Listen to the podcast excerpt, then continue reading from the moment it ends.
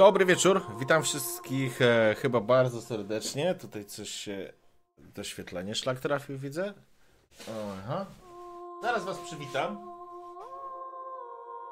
Teraz chyba będzie lepiej. Co się dzieje?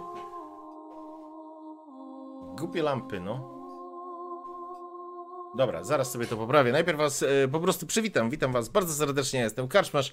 E, jesteście w Karczmie, a dzisiaj będą pogaduchy dotyczące, dotyczące kwestii mm, z sesją Wiedźmina, ale może nie tylko. Zobaczymy, jak będziecie chcieli o to popytać, to pogadamy, a jak nie, no to no to nie pogadamy. To wszystko się, że tak powiem, wyjaśni. Witam wszystkich, którzy dotarli. Tak, przez chwilę był wampir. Nie wiem, czemu się nie zaktualizował tytuł na e, YouTubie, ale mam nadzieję, że teraz już jest wszystko ok. E, cześć Anguła, e, Rogalus, witam i Sugar Sport, cześć. I Mistrz Jaskier, i Misu Mise, i Dominik Drost, siema, i, Logrulf, i Fresiu, i Kebabus Donerus, i Marchewka Pożogi. E, I Xixen, i, i Rawru, i Buczo. Eee, już niedługo, słuchajcie, YouTube wywali łapki w dół, więc nie będziemy się stresować jako twórcy, więc to jest ok. Eee, ale za to całe szambo wybije wtedy w komentarzach. Iha! Eee, Pan i Władca, cześć! I Grasant Ziemi Bieckiej, cześć! Eee, I, I Wizimir Siema, i Zwierzak Fantazy, cześć, witam, i Kazek, i Damian Królik, i Cyprian Goruk. Eee, a niezłe ma karczmasz jednoosobówki Cyprian Goruk. Pogadamy o tym za chwilę. Wieszak, cześć! I kogo jeszcze nie przywitałem? I Krzysio Pawłowski, witam, witam. I, i, i, i, i Książę Głupców, i Szalony Błazen, i Cortimor, i Archie, i Olka, Olka XD, cześć, i Immortal Only, i Cortimor chyba już był. Tak czy nie, tak czy inaczej, nigdy za dużo dobrego słowa. I Zoltam, i Demonek. Um, i, I Myra Jinx, i Artur Kubica, i Jetfire, siema Jetik, witam, i Piotrek, i Maćkos, i Jan Pagieła, e, i Zachwen. Witam wszystkich, słuchajcie, mam nadzieję, że słyszycie mnie dobrze. E, widzicie, powinniście mnie również widzieć.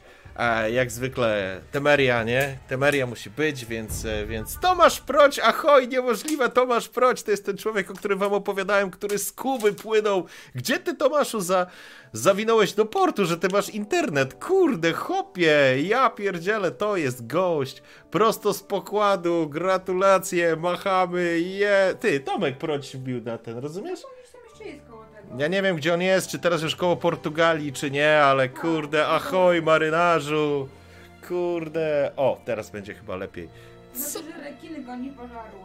Kurde, no coś jest nie tak. Coś ja inaczej poustawiałem dzisiaj i, i mnie wkurza. O, teraz znikło. Dobra, jest okej. Okay. Także słuchajcie, kurde, naprawdę, to jest koleś, ma cojones i płynie po prostu pół świata.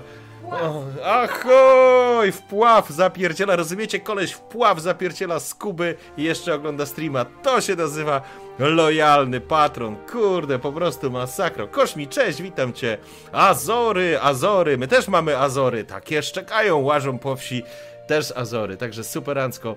Eee, I Szary Duchu, cześć, cześć, także Kurde, pływał rasz, maryna, rasz marynarz, który, ale wiezie całe pudło cygar prosto kręconych na, skręcan, skręcanych na kubańskich udach, to znaczy kubanek, żeby nie było, ty, Tomek, żeby kubanki to były, to ważne, nie kubańczycy. E, I, i będziemy palić, będziemy palić, także będzie spoko. Słuchajcie, e, Także słuchajcie, e, już e, się, że tak powiem, przywitałem.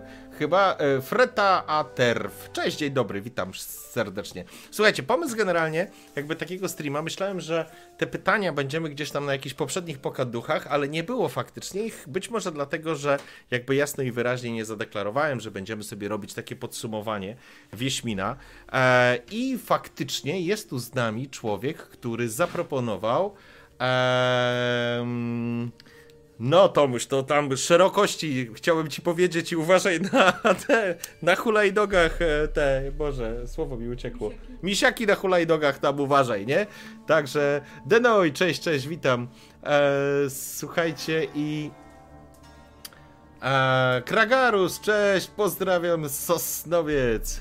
Eee, Słuchajcie, e, także kochani, em, jest tu z nami e, człowiek, który wpisał w komentarzu, że może byłoby fajnie zrobić takiego streama. Tak sobie pomyślałem, że faktycznie nie robiliśmy takiego podsumowania. I, i kurde, no i, i może to czas nadrobić. Zatem Sugar Sport, dokładnie. Można powiedzieć, że że kurde, jesteś, sponsorujesz dzisiejszy odcinek, a ponieważ o, będziemy odkrywać ewentualne tajemnice, puszczamy tą pioseneczkę, która jest zawsze na propsie. Taka szmatka z takiego ekranu. No, super, super, super. Bo wielkość nie ma znaczenia. Nie, nie ma wielkiego znaczenia. Liczko ma gładkie i mowe kwiecie. Masz jakieś chusteczki do okularów? co mam? Takie mokre chusteczki Nie. do okularów? Wiesz co, Bjorn the Red, witam cię bardzo serdecznie. Wiesz co, wyłączyłem kiedyś, bo było, bo to strasznie przeszkadzało podczas e, podczas e, sesji. A to, to jest to? Chyba tak, zaraz zobaczymy. Teraz powinno się wyświetlać, tak mi się wydaje. Zaraz Egon się pojawi, dokładnie. Gaunter, Gaunter zawsze na propsie. E, słuchajcie, e, wyjaśni się ten pan lusterko, no no. E, czy prowadząc sesję z oddziałem szczapy przypuszczałeś, że znajdziesz się w miejscu, w którym teraz jesteś? Czy prowadząc sesję z oddziałem szczapy, Kragarus już tu na, na twardo wjeżdża? E, słuchajcie, mm, Wszyscy, którzy są, słuchajcie, wbijamy łapki, dajemy tam, jesteśmy na fejsie, jesteśmy na Discordzie, jesteśmy wszędzie tak naprawdę, kochani, także naprawdę zapraszam, zapraszam, a ja jeszcze sobie zobaczę jedną rzecz, e, może trochę przyciszę muzy- muzyczkę, już przyciszę, bo to mój ulubiony utwór, ale już sobie ściszam, faktycznie jest za głośno. Ja zobaczę sobie jeszcze jeden wątek, kochani, W ogóle później możemy zrobić na przykład, kurde, możemy głosowanka robić na najlepszą scenę e, w, w całej kampanii i sobie będziemy mogli obejrzeć ją wspólnie, jeżeli będziecie mieli ochotę. Nie wiem, mam taki strasznie, e, kurde, mm, powiedziałbym, e, Boże, nie to włączam. E, już sekunda, bo się, o, to miałem włączyć. Mam taki emocjonalny związek z tą kampanią. Ona trwała tyle czasu, e, że naprawdę dla mnie jest... Kluczową, kluczową, e, e, kluczową, kochani, no, kampanią. O właśnie, jest Bjorn the Red, Followed. Dziękuję Bjorn, witam cię bardzo serdecznie i dwie godziny wcześniej Damian 2077 też zafollowował followował kanał, więc widzicie, mam tu teraz taką ściągę, ponieważ e, tam to mi nie działa, więc będę musiał się posiłkować tak ręcznie. Także e, Słuchajcie, e, dobra, kochani, słuchajcie, zaczynamy, zaczynamy, zaczynamy dyskusję. Pierwsza była, było pytanie tam wcześniej. Mm, muzyka jest jeszcze za głośna? Dajcie znać. Jeżeli jest jeszcze za głośno, to jeszcze przyciszymy. Ale chyba jest git. Już git, okej.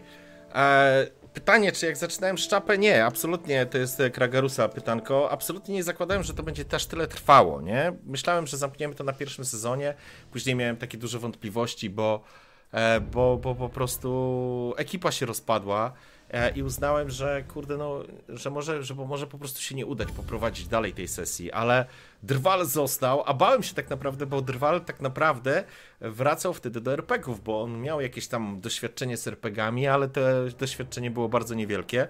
I tak naprawdę myślałem, że Drwal powie, a to pieprze, to nie będę, nie będę tak chciał grać, ale by się wkręcił, no to jak się wkręcił i był gracz, no to no to zdecydowanie, zdecydowanie można było się już bawić. Ehm... No i tak to wyglądało, także nie, bardzo pozytywnie jestem zaskoczony, Maciu, tak cały ten lata. Eee, I powiem, że no naprawdę spoko, bo nie spodziewałem się, że naprawdę to tak dużo, dużo pójdzie.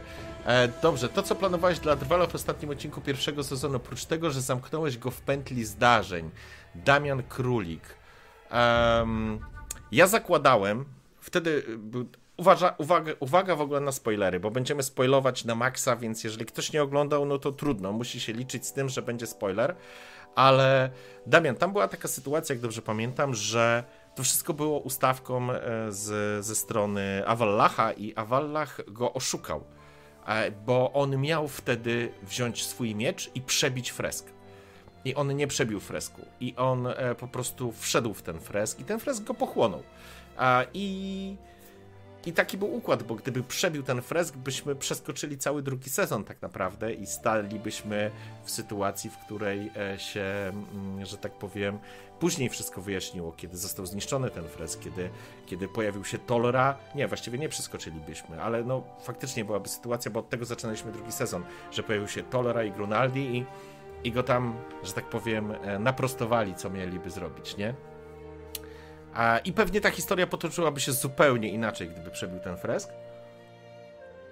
No ale, ale akurat wyszło inaczej i w pewnym momencie tak naprawdę wtedy myślałem, że to jest już koniec historii, że Drwal popełnił błąd, znaczy błąd, wybrał, podjął decyzję, która doprowadza go tak naprawdę do uwięzienia. I ja miałem wtedy takie wizje w ogóle z tym elementem, że jego uwolni Filipa Eilhart, że to właśnie Filipa go wyciągnie z, z tego fresku, ale później wpadłem na zajebisty pomysł, to znaczy zajebisty ja sam sobie zazdroszczę, bo taki był super, ale tak zupełnie szczerze, mi się po prostu bardzo podobał. E, patent, że on jest zamknięty jakby w takim kole e, i w pętli czasu i on sam siebie dopada, że oni wtedy uwalniają Donimira. To było zajebiste, bardzo mi się podobało. Eee, Eee, rozmowa Talara z była najlepsza. Zaraz zrobimy sobie jakieś takie, poprzypominamy sobie jakieś fajne e, teksty i elementy, które się pojawiały. Rawaru. E, o co chodziło z duchami pani, pod piecem pani Blażeny? E, to było nawiązanie do słowiańskiej mitologii e, Rawru. Dokładnie to e, były to wszystkie domowe duszki. Pani Blażena była taką opiekunką, była taką klasyczną. No, ona była wzorowana w ogóle na Blażenie z pani Blażenie z trylogii husyckiej ale uznałem, że ona jest taką słowiańską, prawdziwą gospodynią, więc te wszystkie skrzaty domowe u niej są i ten kot, który był na piecu, mruczek i właśnie te duszki w, w piecu i był duszek przy obejściu i był duszek, który pilnował koni, także to wszystko było, te, to nie było zgłębiane przez graczy, również ja jakby nie poświęciłem temu więcej czasu, ale to były te wszystkie skrzaty domowe, które są z mitologii słowiańskiej. Mm, Aleksy Chwiałkowski, cześć, witam cię bardzo serdecznie. Um, pozdrowienka Szarobury. Um, bądź... E, Względem kampanii, jaki easter egg przez ciebie dodany był dla ciebie najważniejszy, bądź najbardziej zapadł tobie w pamięć? Easter egg? Coś tam wsadzałem, jakieś rzeczy, ale chyba wiesz co, y, chyba jedyna rzecz, która inaczej, jedyną rzecz, którą pamiętam tak na wyciągnięcie ręki, to był ewidentnie e, Ernest Czegotuwara, nie? I, i, to był, I to był chyba ten element, który najbardziej mi zapadł w pamięć, ale wiem, że to nie był jedyny, ale teraz nie potrafię sobie przypomnieć innych. Um, jaki był pomysł na kampanię ze szczapą?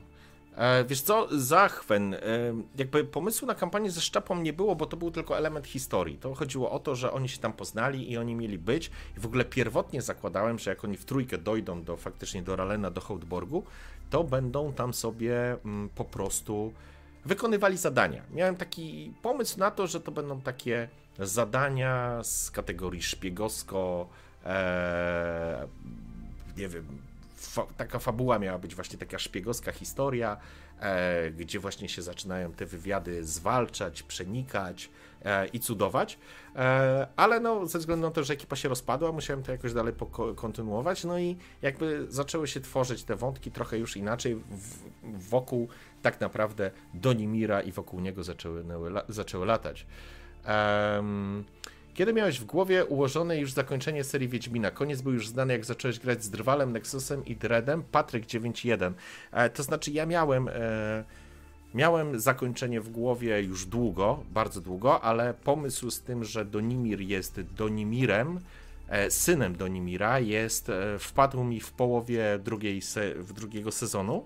To jest to, co wielokrotnie powtarzam, kiedy planuję E, kiedy planuję, słuchajcie, kampanię, historię, nigdy nie planuję jej od A do Z, bo ona zawsze ewoluuje i, i tak samo było tutaj. Początkowo Donimir Podróżnik był Donimirem Podróżnikiem. On w mojej głowie ewoluował od takiego totalnego skurwiela po naprawdę gościa, który chce pomóc. Mm, ale w momencie, kiedy pojawił się wątek, e, że Donek zaczął smalować, smalić cholewki do Mileny, to wpadłem na pomysł, że okej, okay, to pociągniemy ten wątek, E, I co by się stało, gdyby Donimir e, podróżnik był jego synem faktycznie? No i uznałem, że to będzie zajebisty wątek i tak to się, i tak to się wtedy ułożyło. Kim była tak naprawdę Rzepicha? Rzepicha, Jecik, żeby nie odczarować ci twojej y, fascynacji Rzepichą, babą wodną, była zdecydowanie po prostu bestią, babą wodną, elementem świata, uniwersum Wiedźmina, który chciałem pokazać tak, jak pokazywałem trole, tak jak pokazywał to też Sapkowski, na tym się wzorowałem, żeby to nie była bezrozumna istota, tylko żeby ona miała nawet swój szaloną jakąś motywację, bo to była szalona motywacja, ale była. A, I żeby te bestie po prostu nie były workami do bicia, tak jak zazwyczaj to jest, o, topce, ciach, ciach, ciach, baba wodna, większy utopie, ciach, ciach, ciach, ekspik. Nie, żeby to było właśnie fajne, dlatego, dlatego tak się pojawiła ta rzepicha. Um, wiesz, nie, nigdy nie pojawił się syndykat w tych wersjach.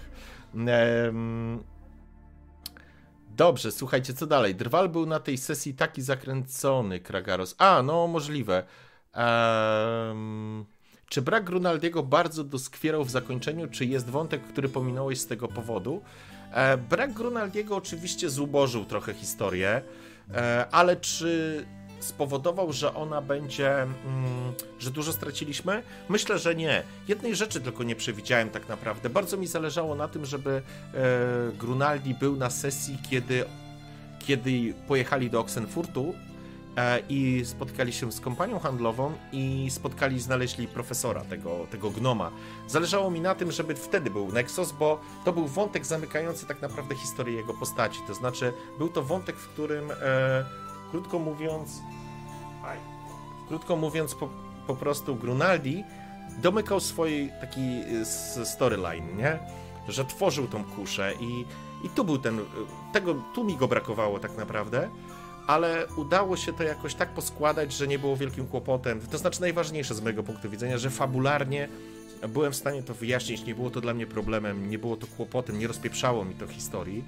Um, na pewno, gdyby był Grunaldi, pojawiłyby się jeszcze jakieś dodatkowe wątki e, związane z, z jego postacią. No nie było wątku, co by zrobił Grunaldi przy fresku czy zdecydowałby się zostawić wszystkie swoje osiągnięcia tylko po to, żeby wrócić w szczęśliwy czas? Tak naprawdę wszyscy oni mieli wybór, e, przed którym stanęli. Ostatecznie zdecydowali, że zostaną, że to, co wypracowali i będą czekać w tym świecie, który czeka tak naprawdę koniunkcja,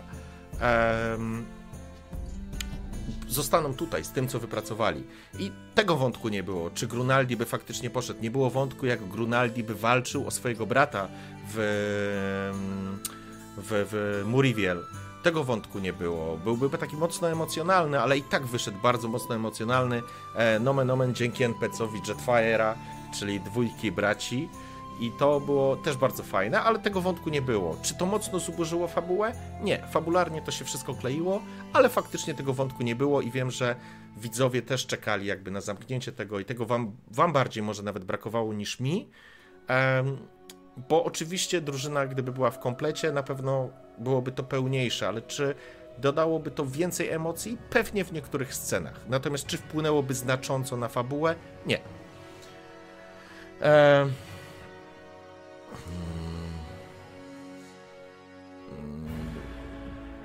A ja powiem, że od samego początku znałem zakończenie kampanii. Pan Karczmasz mnie o tym powiedział, mam nawet zdjęcie. Ja ci powiedziałem, czy ci powiedziałem, że ci powiem? Nie pamiętam. Eee, także Czyciek nie pamiętam. Dubbing Dijkstry to było mistrzostwo podsumowania z jego perspektywy, chociaż Talara mu nie daruje. No niestety, wiesz, jak takie dwa asy się spotykają, to długo ze sobą nie będą współpracować. Eee, Piotrek S. Co się stało, że chciałeś koniecznie zamknąć kampanię? Jeśli nie chcesz mówić, to nie naciskam. Nie, staram się odpowiadać na wszystkie pytania. E, Piotrek, dlaczego? Dlatego, że uznałem, że jakby bardzo mocno jest już wyeksploatowany poziom mm, Donimira, jego bohatera. E, I tak naprawdę chciałem domknąć tą historię, no bo ta historia, ona też nie mogła toczyć się w nieskończoność. E, Donimir i Grunaldi oraz Tolera już wypracowali taki poziom, to znaczy, żeby była jasność, miałem perspektywę na kolejny sezon.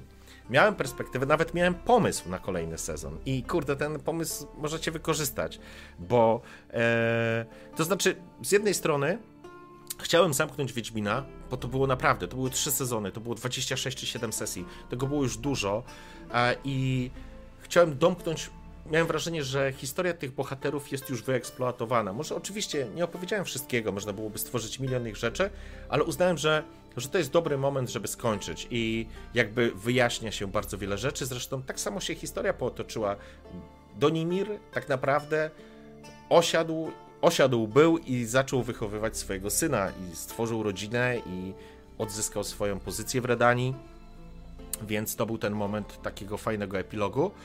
Natomiast miałem pomysł na czwarty sezon, gdyby coś, tak, tak, tak, tak, wiecie jak to jest, jak się planuje coś, to zawsze pojawiają się pomysły. Czwarty sezon byłby e, najprawdopodobniej wojną z Nilfgaardem, e, ponieważ ja uznałem, że Redańczycy zaczęli dogadywać się z Nilfgaardem. Po prostu. E, w chwili ataku na ziemię w chwili ataku na, z północy e, miało, dojść do, miało dojść do sojuszu pomiędzy, pomiędzy Redanią a Nilfgaardem i po prostu zmiażdżenia Temerii, ale uznałem, że mm, jakby, to znaczy taki był pomysł.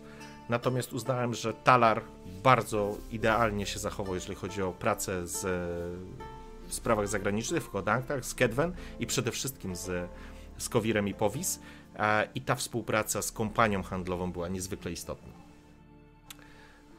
Czy był jakiś wątek z tym z Keligijczykiem, gdyby przeżył? E, Rawaru. Boże, jak on miał na imię? Uciekło mi. To był postać, to był NPC stworzony przez patrona, e, przez Krzysia i jakby celem e, tej postaci był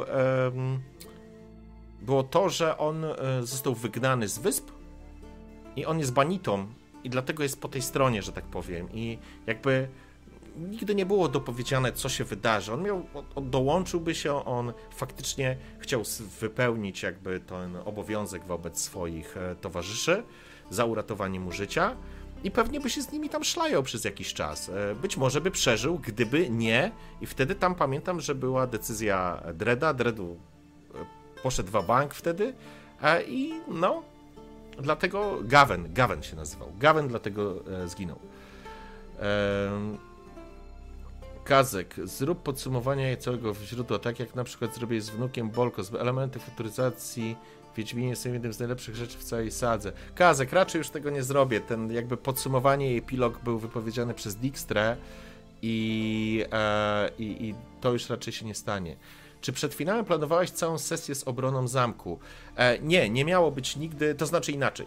Zakładałem, że będzie element obrony zamku, ale historia tak się potoczyła po stronie redańskiej, chłopaki tak to, e, tak to zrobili, że nie było już możliwości dania im opcji powrotu e, i obrony zamku. Zakładałem, że będzie obrona zamku. Faktycznie jedna scena mi uciekła, e, to znaczy uciekła. Nie zrobiłem już tej ostatniej sceny, jednej sceny wyciąłem, tak powiem, director's cut, cut e, z finału, bo była tam jeszcze scena, w której e, chłopaki, to znaczy jest obrona przed oblężeniem i tam jest pokazane, jest więcej pokazanych elementów, które oni, że tak powiem w cudzysłowie, wykupili, czyli tam e, te balisty, te machiny oblężnicze, nie oblężnicze, tylko machiny obronne na murach, te wylewanie kotłów z olejem, e, kolejne jakieś takie wrzutki, tak jak było wtedy, że koleś przeżył, bo, bo miał ulepszony pancerz dzięki temu, że oni zainwestowali w Daltera. I, I to było kluczowe. I tam była jeszcze jedna taka scena właśnie pokazująca, e, że te ich wybory miały znaczenie, bo miały znaczenie. I teraz, tak jak oczywiście odsłuchiwałem sobie tą kampanię, to znaczy tak sobie analizowałem, parę rzeczy mi uciekło, bo na przykład nie wyjaśniłem tej, jakby nie zabrakło tego, mi to po prostu uciekło, że e, Hautborg nigdy nie został zdobyty dzięki tym inwestycjom i jakby armia redańska odbiła się od niego i tylko tej sceny już nie zdążyłem zrobić, bo ta sesja i tak już była długa. E, a zależało mi na tym, żeby pokazać i graczom, i widzom, że decyzje, które oni podejmowali w kwestii zasobów miały znaczenie strategiczne. Dlatego wymyśliłem sobie, że oni się wcielą przez chwilę choćby w dwóch jakichś losowych ziomeczków, którym będą po prostu kierować tylko po to, żeby zobaczyć realne efekty ich działań. Um, Czy możesz coś powiedzieć jak Dijkstra, please? E, pewnie, że mogę, tylko poczekaj.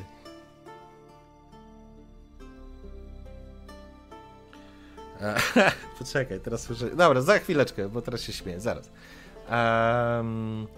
Z czego był zrobiony miecz Sigmunta? Pierwszy sezon, że był w stanie zranić e, golema. Zwierzak fantazy. E, to był e, miecz, to była cała historia. No właśnie, to jest taka sytuacja, w której no niestety giną postaci, a to znaczy giną. Rozpadają się teamy i nie macie i nie mamy zamkniętej historii. Ale miecz, Sigmy, miecz Sigmunda był magiczną bronią, ponieważ jego ojciec, starszy, straszny skurwysyn, walczył pod Soden i on zginął z rąk Nilfgaardczyków. Natomiast tam była cała historia o tym, jak jego miecz pożerał duszę. I to była jedyna rzecz, którą Sigmund odziedziczył po ojcu, którego szczerze nienawidził. No, i taka była historia, i jakby mm, tam był cały patent o tym, że ta jego rodzina zostaje wybita przez Nilfgaardzki podjazd, e, i, i ten miecz był faktycznie magicznym mieczem, który. On był umagiczniony. On był nie umagiczniony, był po prostu magicznym mieczem orężą. Um, do, do którego jest kurwa. Eee, Jetfire. Prosto z mostu. Czy w kampanii gdziekolwiek i kiedykolwiek pojawił się pan Lusterko? Pan Lusterko był również oczywiście pomysłem. Eee, miałem pomysł, e, długo się trzymałem tego pomysłu, słuchajcie, e, z panem Lusterko. Mm, Zresztą sobie to wrzucę. O, tutaj jest, tak? O. Jak mówimy o panu Lusterko, to włączmy sobie tą muzyczkę. Eee, pan Lusterko długo e, mi, że tak powiem, chodził po głowie. S- historia e, pana Lusterko jest niedopowiedziana. To znaczy, było parę sugestii, było parę znaków na niebie i ziemi, które wskazywały, która z postaci może być panem Lusterko. Przez długi czas zakładałem, że faktycznie fizycznie jest to pan Lusterko, e, który objawi się na samym końcu. To znaczy, on miał się już objawić, on miał się objawić, słuchajcie, na początku drugiego sezonu, już jako pan lusterko, ale zrezygnowałem z tego wątku, znając, że mogę go zawsze wykorzystać. E, później się miał pojawić dalej, ale uznałem, że jak już się pojawiły te akcje, że syn do, że to jest syn Donimira, że będzie za dużo takich jakichś e, zwrotów akcji, że to będzie, że to już byłoby takie no i co teraz, kurwa, meteoryt na nas spadnie, nie? No na tej zasadzie.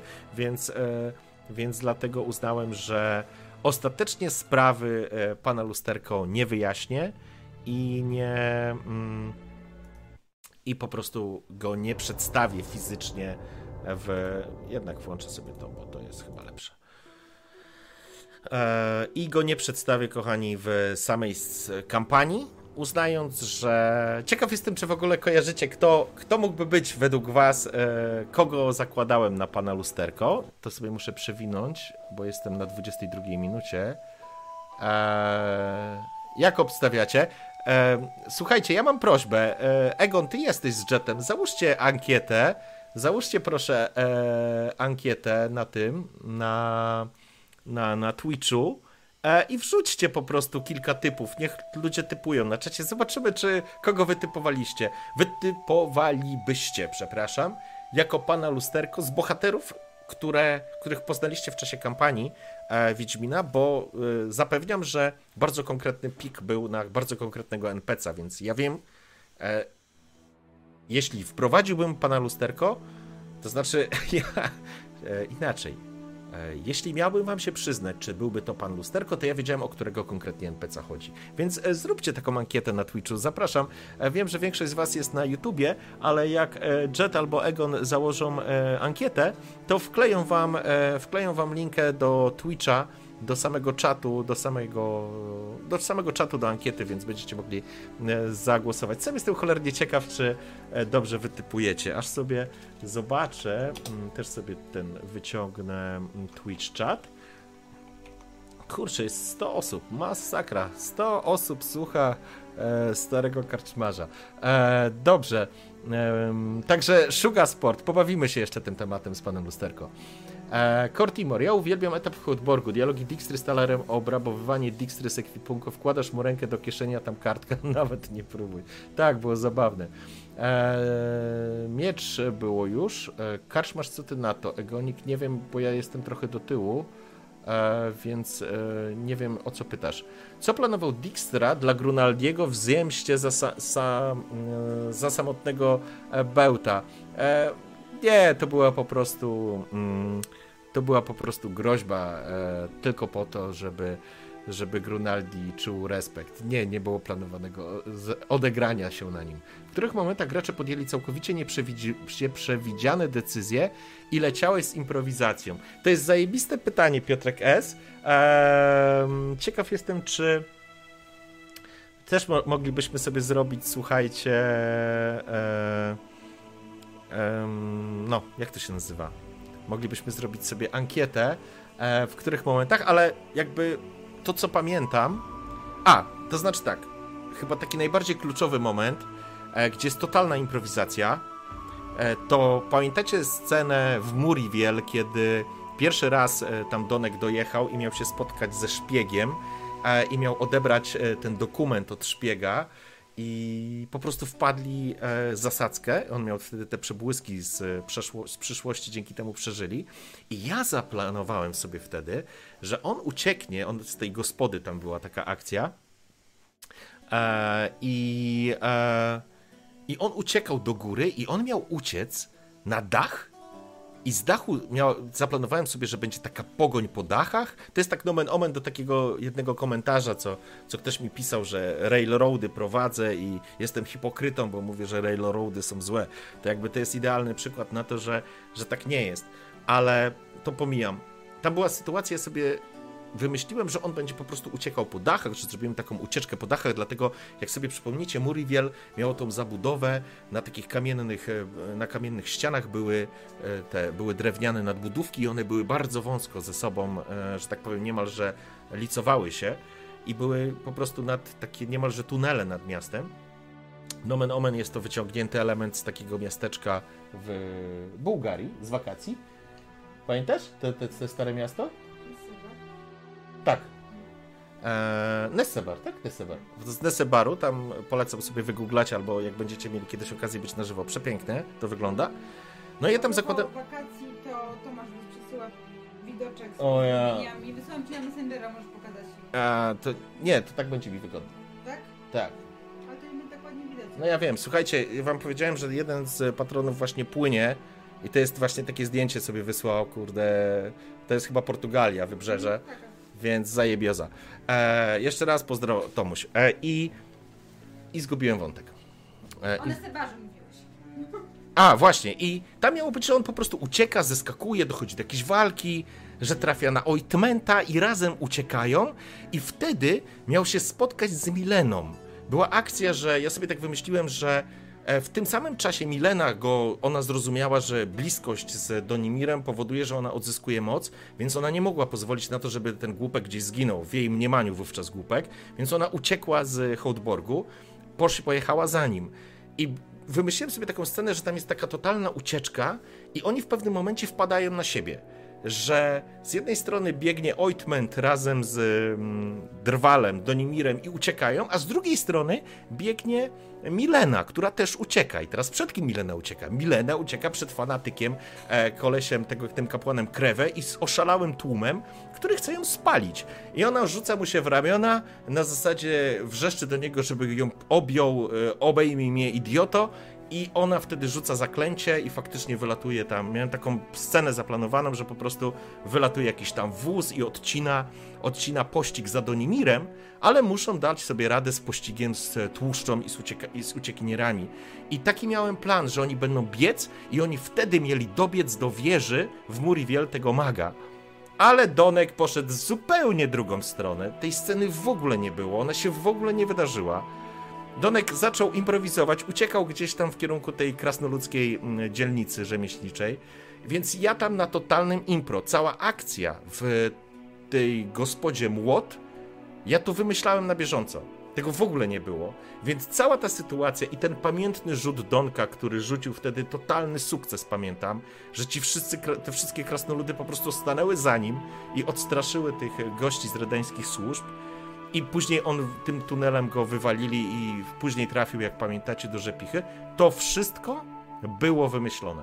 Bo oni wtedy, ja zakładałem, że oni uciekną z Muriwiel i e, słuchajcie, pojadą po prostu, wrócą do Temerii, nie? I ta cała historia by poszła w zupełnie innym kierunku, ale wtedy właśnie to był chyba taki kluczowy moment, w którym gracze wybrali inaczej. Drugi taki moment to właśnie zakończenie pierwszego sezonu, gdzie Donimir jednak wszedł we fresk, a nie go zniszczył. E, I trzeci wątek, e, który ostatnio był, e, to też było coś. Coś jeszcze było. A, ja zakładałem, że oni oddadzą Filipie Dalkę Pamiętacie, jak Filipa się pojawiła bez ręki? I mi bardzo zależało na tym, żeby. Wtedy miałem scenę przygotowaną, w którym Dalka morduje Filipę. Chciałem, żeby po prostu była totalna jazda. E, Filipa jest ranna, ona chce faktycznie przyjąć Dalkę. Zakładałem, że do swoich celów, żeby mieć przełożenie polityczne. Natomiast, i pamiętacie, ja próbowałem nawet Dalką wymusić na Donimirze, żeby on go puścił ale Dodek był twardy i nie puścił jej.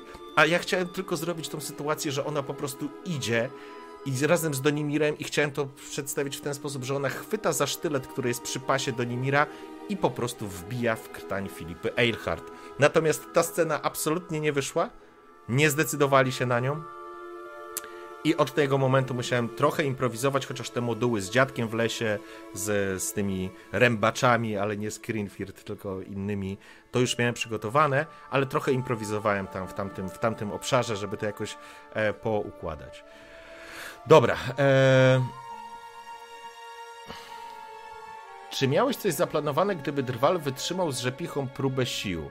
To znaczy, tam nie było Damian próby sił. Układ był prosty, albo Znaczy, no Drwal, jeżeli Donimir by został i ten związek by został skonsumowany, myślę, że Donimir nigdy nie byłby już takim e, normalnym człowiekiem. E, czy scena, w której Donimir sam ucieka przez kanały z miasta w Redanie była cała improwizowana? Drugi sezon. Piotrek jest, to chyba właśnie jest teraz odpowiedź była na ten temat. E, da ktoś link do nutki, która w tle leciała? To jest ścieżka. E, słuchajcie, ścieżka leci i to jest z e, Wiedźmina dwójki. Mm, dobra, o właśnie, jest koniec, e, jest koniec głosowania. E, Okej. Okay. Ralen, 45% od, oddało głos, że to Ralen. E, e, e, ale nie, umowa to umowa, słuchajcie, to jest podsumowanie. E, tak, zakładałem, że kapitan Ralen jest tak naprawdę Gaunterem Odimem, panem Lusterko. To znaczy, taki miałem pomysł przez długi czas i ten pomysł zawsze działał. Żebyście mieli świadomość, jak długo trzymałem tego Gauntera w, jako asa w rękawie, którego mogłem zawsze wykorzystać, tylko to by musiało mieć sens, także gratulacje. E, dobrze oceniliście i wyłapaliście te elementy, bo nawet jak Filipa Eilhart podczas spotkania ze wszystkimi zwróciła się wtedy podczas tego dialogu Talar Dijkstra do Ralena, że oj, nie tylko jest pan zwykłym kapitanem i on się uśmiechnął, to, było, to był też jasny sygnał dla widzów i dla graczy, że coś z tym Ralenem może być nie tak, ale ostatecznie nigdy nie użyłem tej karty. Czy to oznacza, że Ralen nie jest Gaunterem Odimem? Tego wam nie powiem. Natomiast nigdy go w żaden sposób nie e, ujawniłem. E, Sugar Sport, a propos najnowszego posta na FP, może kolejny sezon Wierzka w świecie mitologii japońskich samurajów? Nie, nie chciałbym już odchodzić od tego. To raczej nie.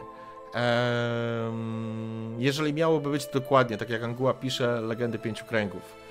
E, Damin, jak ty, jaki tor byłby obrany w momencie, gdyby w drugim so, so, sezonie chłopaki zdecydowaliby się pomóc wieśniakom w sprawie węgorza i z kim i kim tak naprawdę był ten właściciel e, tawerny i wilka. Właściciel tawerny i wilka również był, czyli e, Bastard, to był pierwszy NPC stworzony przez e, patronów i ewidentnie był e, budowany na postaci z książek. Faktycznie to jest, e, to było budowane na tej postaci mm, tego zabójcy. Ja nie czytałem tej książki, więc ja nie znam go. E, I tam, tam była sytuacja, w której e, jeżeli.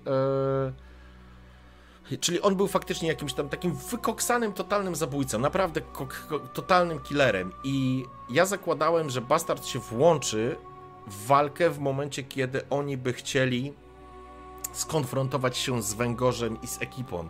Ale gracze w ogóle ominęli bardzo sprytnie ten wątek, nigdy nie wrócili, bo ja zakładałem, że dojdzie do konfrontacji właśnie z Węgorzem i z jego bandziorami, ale chłopaki nigdy nie wrócili, więc siłą rzeczy ten wątek umarł sam, nie, był, nie był wyeksploatowany, ale później go wykorzystałem, bo Węgorz się, e, jak wiecie, pojawił. Hmm, czy miałeś Myra Jinx? Czy miałeś przygotowane alternatywne zakończenie, w którym wszystko trafia szlak? Zostają gruzy zamku i zwłoki bohaterów. Jeśli tak, co by do tego e, doprowadziło? E, wiesz co? E, patent polegał na jednej rzeczy. E, tak naprawdę, mm, tak jak widział, e, widział to Donimir i to, co powiedziałem na końcu pierwszego sezonu, jak dobrze pamiętam, e, ja uznałem, że cała przepowiednia Itliny to bzdura. Że tu wcale nie chodzi o jakieś zimno, które nagle zasypie cały świat. Że. Ale przepowiednia była prawdziwa. Tylko, że żaden mróz. Chodziło o koniunkcję, że nadchodzi kolejna koniunkcja. Ja sobie wymyśliłem, że punktem ostatecznym w tym świecie jest koniunkcja, do której dojdzie, jeżeli im się nie uda, że tak powiem, zamknąć tego portalu. A ten portal został zamknięty poprzez poświęcenie się syna Donimira i on odbudował fresk, który zamknął ten portal. Dzięki temu nastąpiła stabilizacja i nie doszło do e, doszło do koniunkcji. Koniunkcja i tak jest przepowiedziana, więc w tym świecie wcześniej czy później ona będzie, no bo ona musi się pojawić, e, według jakiegoś tego, takiej mitologii, którą ja uznaję. Niemniej jednak zamknięcie tego portalu spowodowało, że ta koniunkcja się nie pojawia. Ostateczną apokalipsą była koniunkcja, e, która, e, że tak powiem, dotyka bezpośrednio graczy. Eee, Aleks Chwiałkowski. Myślę, że wszyscy podziwiają Cię za szeroki wachlarz umiejętności miękkich oraz aktorskich, który z bohaterów niezależnych sprawił Ci największą przyjemność w odgrywaniu i dlaczego? Aleksy Chwiałkowski, to było 20.29, kurde, 20 minut prawie temu. E, sorry, ale e, po prostu staram się, od... będę odpowiadał na każde wasze pytanie, więc, więc e, uzbrojcie się proszę e, w cierpliwość. E, który który z bohaterów niezależnych, e, słuchajcie, bo miałem pełne pory przed odgrywaniem Talara i Dijkstry, każda postać NPC-ów, których został stworzeni e, przez patronów. I nie mówię tego dlatego, że to patroni dali tych NPC-ów, tylko naprawdę chcę za to podziękować, e, bo i Egon de Navarrete stworzył w ogóle zupełnie obszar i wątek, był powodem, dla którego stworzyłem zupełnie nową scenę bo to był bardzo potężny NPC, ale było z założenia NPC nie mogą chcieć zabić bohaterów, niezależ- graczy. Oni nie mogą być strategiczni, a kiedy się pojawił The Navaret, uznałem, że można go wykorzystać w bardzo kluczowym momencie i to była zajebista, zajebista postać. Bardzo mi dużo radości w ogóle pokazanie tego przepychu ofirskiego, e, tego mm, biseksualizmu, tego, tej otwartości, tego przepychu, tego bogactwa, tych złotych klamek, to było zajebiste to znaczy, bardzo mi się to podobało. E, I zestawienie to z tym prostym Grunaldim, który e, gryzł świeczki, e, ale również postać, kurczę, zawsze ucieka mi imię mm, bohaterki, którą z kolei Szarobury stworzył, czyli tej dziewczyny, która pomogła im i pomagała tym elfom.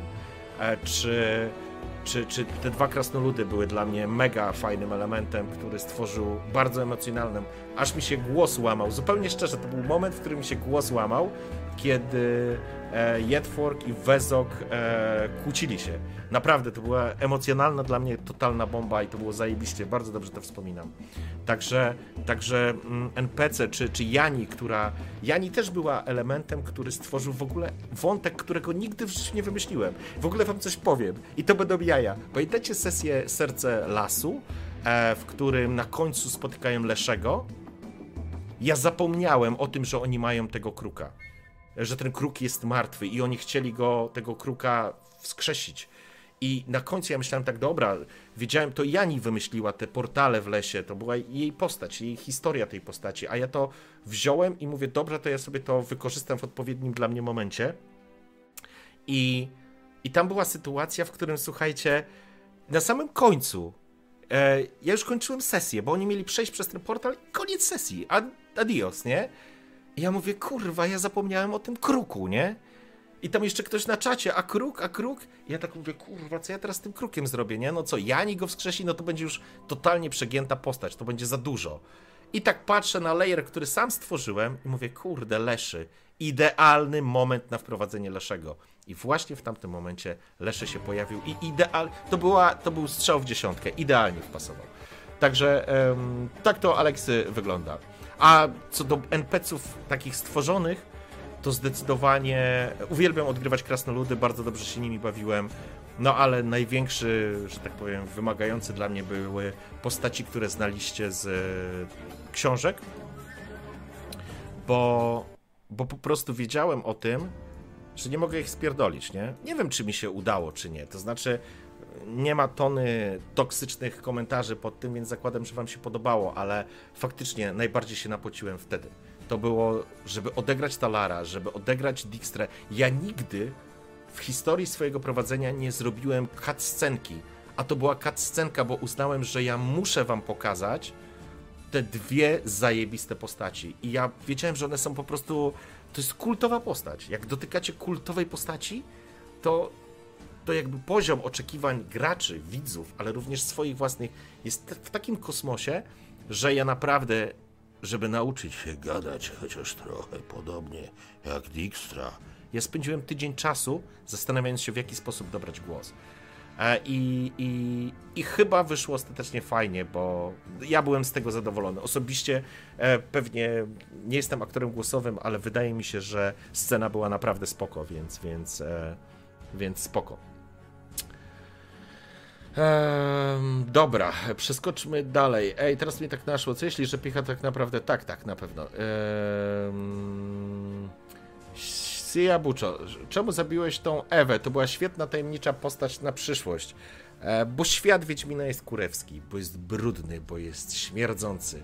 E, jak ludzie, jak, jak najgorsze koszmary ludzkie. Dlatego Ewa zginęła jako trochę jako przykład e, jakby pokazania tego, że świat jest po prostu podły. Dlatego Ewa zginęła. Um, czy będziesz prowadził sesję w świecie Wiedźmina? Jeśli byś prowadził, to skłaniałbyś się bardziej do przeszłości przed tymi wydarzeniami, czy też w czasach następnych? Kacper Jasiński. Ehm, wiesz co, to był świat Wiedźmina. Kacper, my prowadziliśmy, tylko że ja w ogóle nie brałem książek, e, tfu, nie brałem w ogóle gier. U mnie świat się zatrzymał po tym, co napisał Sapkowski. Korzystałem z elementów z gier, ale w ogóle nie korzystałem z tych wydarzeń jakbym prowadził, także to był dokładnie ten sam świat, tylko po zakończeniu sagi. Natomiast e, bez gier, redów. Więc e, teraz nie wiem, w którym czasie bym zagrał. Myślę, że w podobnym, a może bym wybrał jakiś inny, nie wiem, trudno mi powiedzieć, ale na pewno nie byłby to raczej czas, który znamy z książek. Nie chciałbym już e, obcować jakby z historią, która została napisana, raczej byłoby to po. E, zobacz Facebooka. Jet pisze. Ja dopiero teraz jestem na tym. Zobaczę, co tam jest napisane. Co tam się wydarzyło.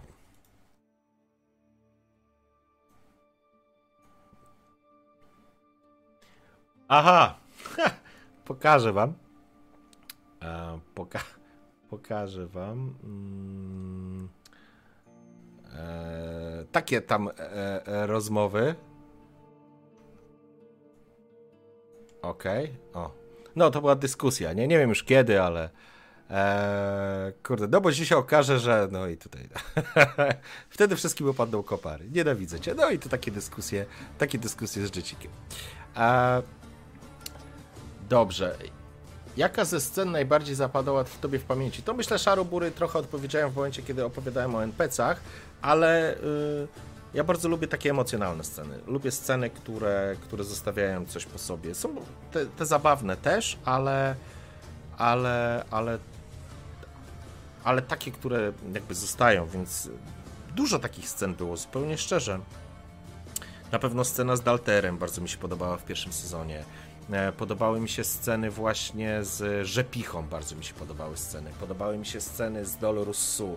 Podobała mi się bardzo scena, nie pamiętam jak nazywałem tą NPC-kę, ale tą e, półelfkę, która e, pod Muriwiel leczyła wiewiórki, za którą wstawił się Donimir i to był taki po raz pierwszy kluczowy moment, kiedy Donimir tak naprawdę, ten, który nie lubił elfów, bo przypomnijcie sobie, on nie lubił elfów, stanął w jej obronie i upokorzył żołdaka z e, Redanii.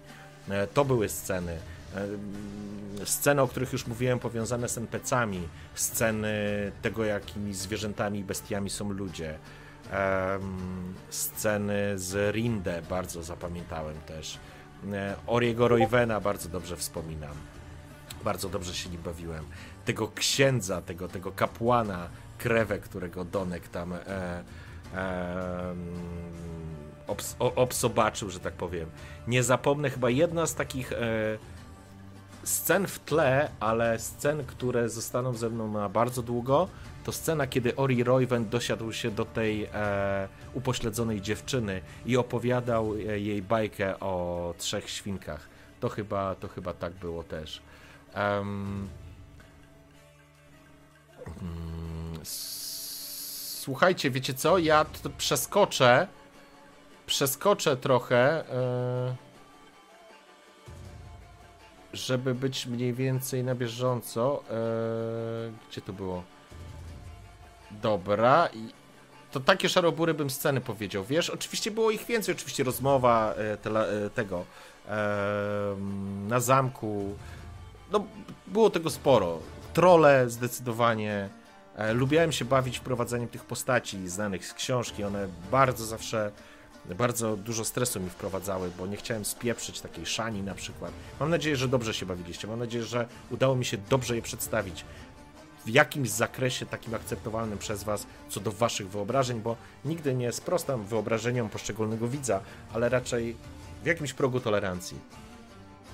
Jaka była historia Telarada, bo było powiedziane, że do jego historii wrócisz, ale nie wróciłeś. Wiesz co, e, przez długi czas zakładałem, że być może jeszcze Telarad się pojawi, ale Telarad e, już się nie pojawił, więc ostatecznie on po prostu był na długiej rekonwalescencji e, u kapłanów Lebiody po tym spaleniu, natomiast później już się nigdy nie zastanawiałem, co, co, mm, co się będzie z nim działo. Nie było takiej potrzeby. Mm, Ten ofirski kupiec to miał chrapkę na broszkę Yennefer. O, miał, miał. Ehm, dobra. Książę głupców. Czy chciałbyś kiedyś poprowadzić jakiś spin-off, na przykład jakiś 100 lat później, pokazując już taką pokoniunkcyjną realność, na przykład z innego świata, mogłoby dać coś przeciwnego, że musiałaby się zrobić grupa, która musiałaby nie tylko walczyć z ale też pokonać trudności życia codziennego. E, nie. Książę głupców, absolutnie nie. E, nie chciałbym, jeżeli miałbym, jeżeli wrócę do Wiedźmina, to z zupełnie nową historią. E, Karczmarzowa jest poziom wyżej niż lusterko. O, zgadza się. Także książę, mm, raczej nie wracam, nie robię takich e, zabiegów, wiesz? Raczej są to. Mm, zależy mi na tym, żeby to były kompletne historie. Akcja z tej krasnoludzkiej karczmy. Tak, dokładnie. E, Maciej Jawożno, cześć, witam. E, o właśnie, no to, bo ja dopiero jestem na, na, na wpisach, e, które były 20 minut temu. Uśmiercenie Skelligijka, Krzysztof Pawłowski, odpowiadam, tak jak mówiłem, nie, e, Skelligijczyk e, miał, to znaczy mógł zginąć, ale absolutnie nie było to wpisane w scenariusz. To decyzje wówczas Tolry spowodowały, że on zginął. Mm, Jak rozwijała się postać e, Ralena? Skąd on wszystko wiedział? Czy było to jego magiczne krzesiwo? Był po prostu przechujem szpiegiem i założenia był kozakiem? Czy coś za tym stało głębszego? Szuka sport. No, jakby ci to powiedzieć, nie? Nie, to znaczy Ralen był cwaniakiem. Ralen był wykształconym, mądrym gościem, który potrafił się znaleźć i przy okazji był świetnym e, człowiekiem pracującym w wywiadzie. E, jeżeli uznamy alternatywę Ralena, w którym nie jest panem Lusterko, jest naprawdę świetnym wywiadowcą. Natomiast jeżeli jest panem Lusterko, to może wszystko. Krzysztof Dziwulski, nie mam pojęcia co robisz, ale witaj. Ale jak już cię nie ma, no to żegnaj. A jak jesteś, to zostań i możemy pogadać dalej. E, Pod koniec epilogu Dijkstry było też Ralen zniknął gdzieś. Tak, Ralen zniknął. E, bez względu na to, którą alternatywę Ralena weźmiemy pod uwagę, Ralen był na tyle mądry, że wiedział, że zwie za dużo. A jeżeli wiesz, że wiesz za dużo i wiesz, że mm, gdzie dwa wilki się gryzą, to nie, w, nie wkłada się tam ręki pomiędzy nich, e, to po prostu Ralen uznał, że czas e, uciekać. Mm. Jaki dziadek, jakie nawiązanie? Chodziło o tego dziadka kanibala z bagien w jedynce. Yy... Tak, yy, a właśnie, to był easter egg. Dokładnie. Dziadek yy, z, wyciągnięty w lesie ewidentnie był wzorowany na yy, historii z Wiedźmina. No i chyba za głośno jestem. Poczekajcie, zaraz wracam. Chwila przerwy.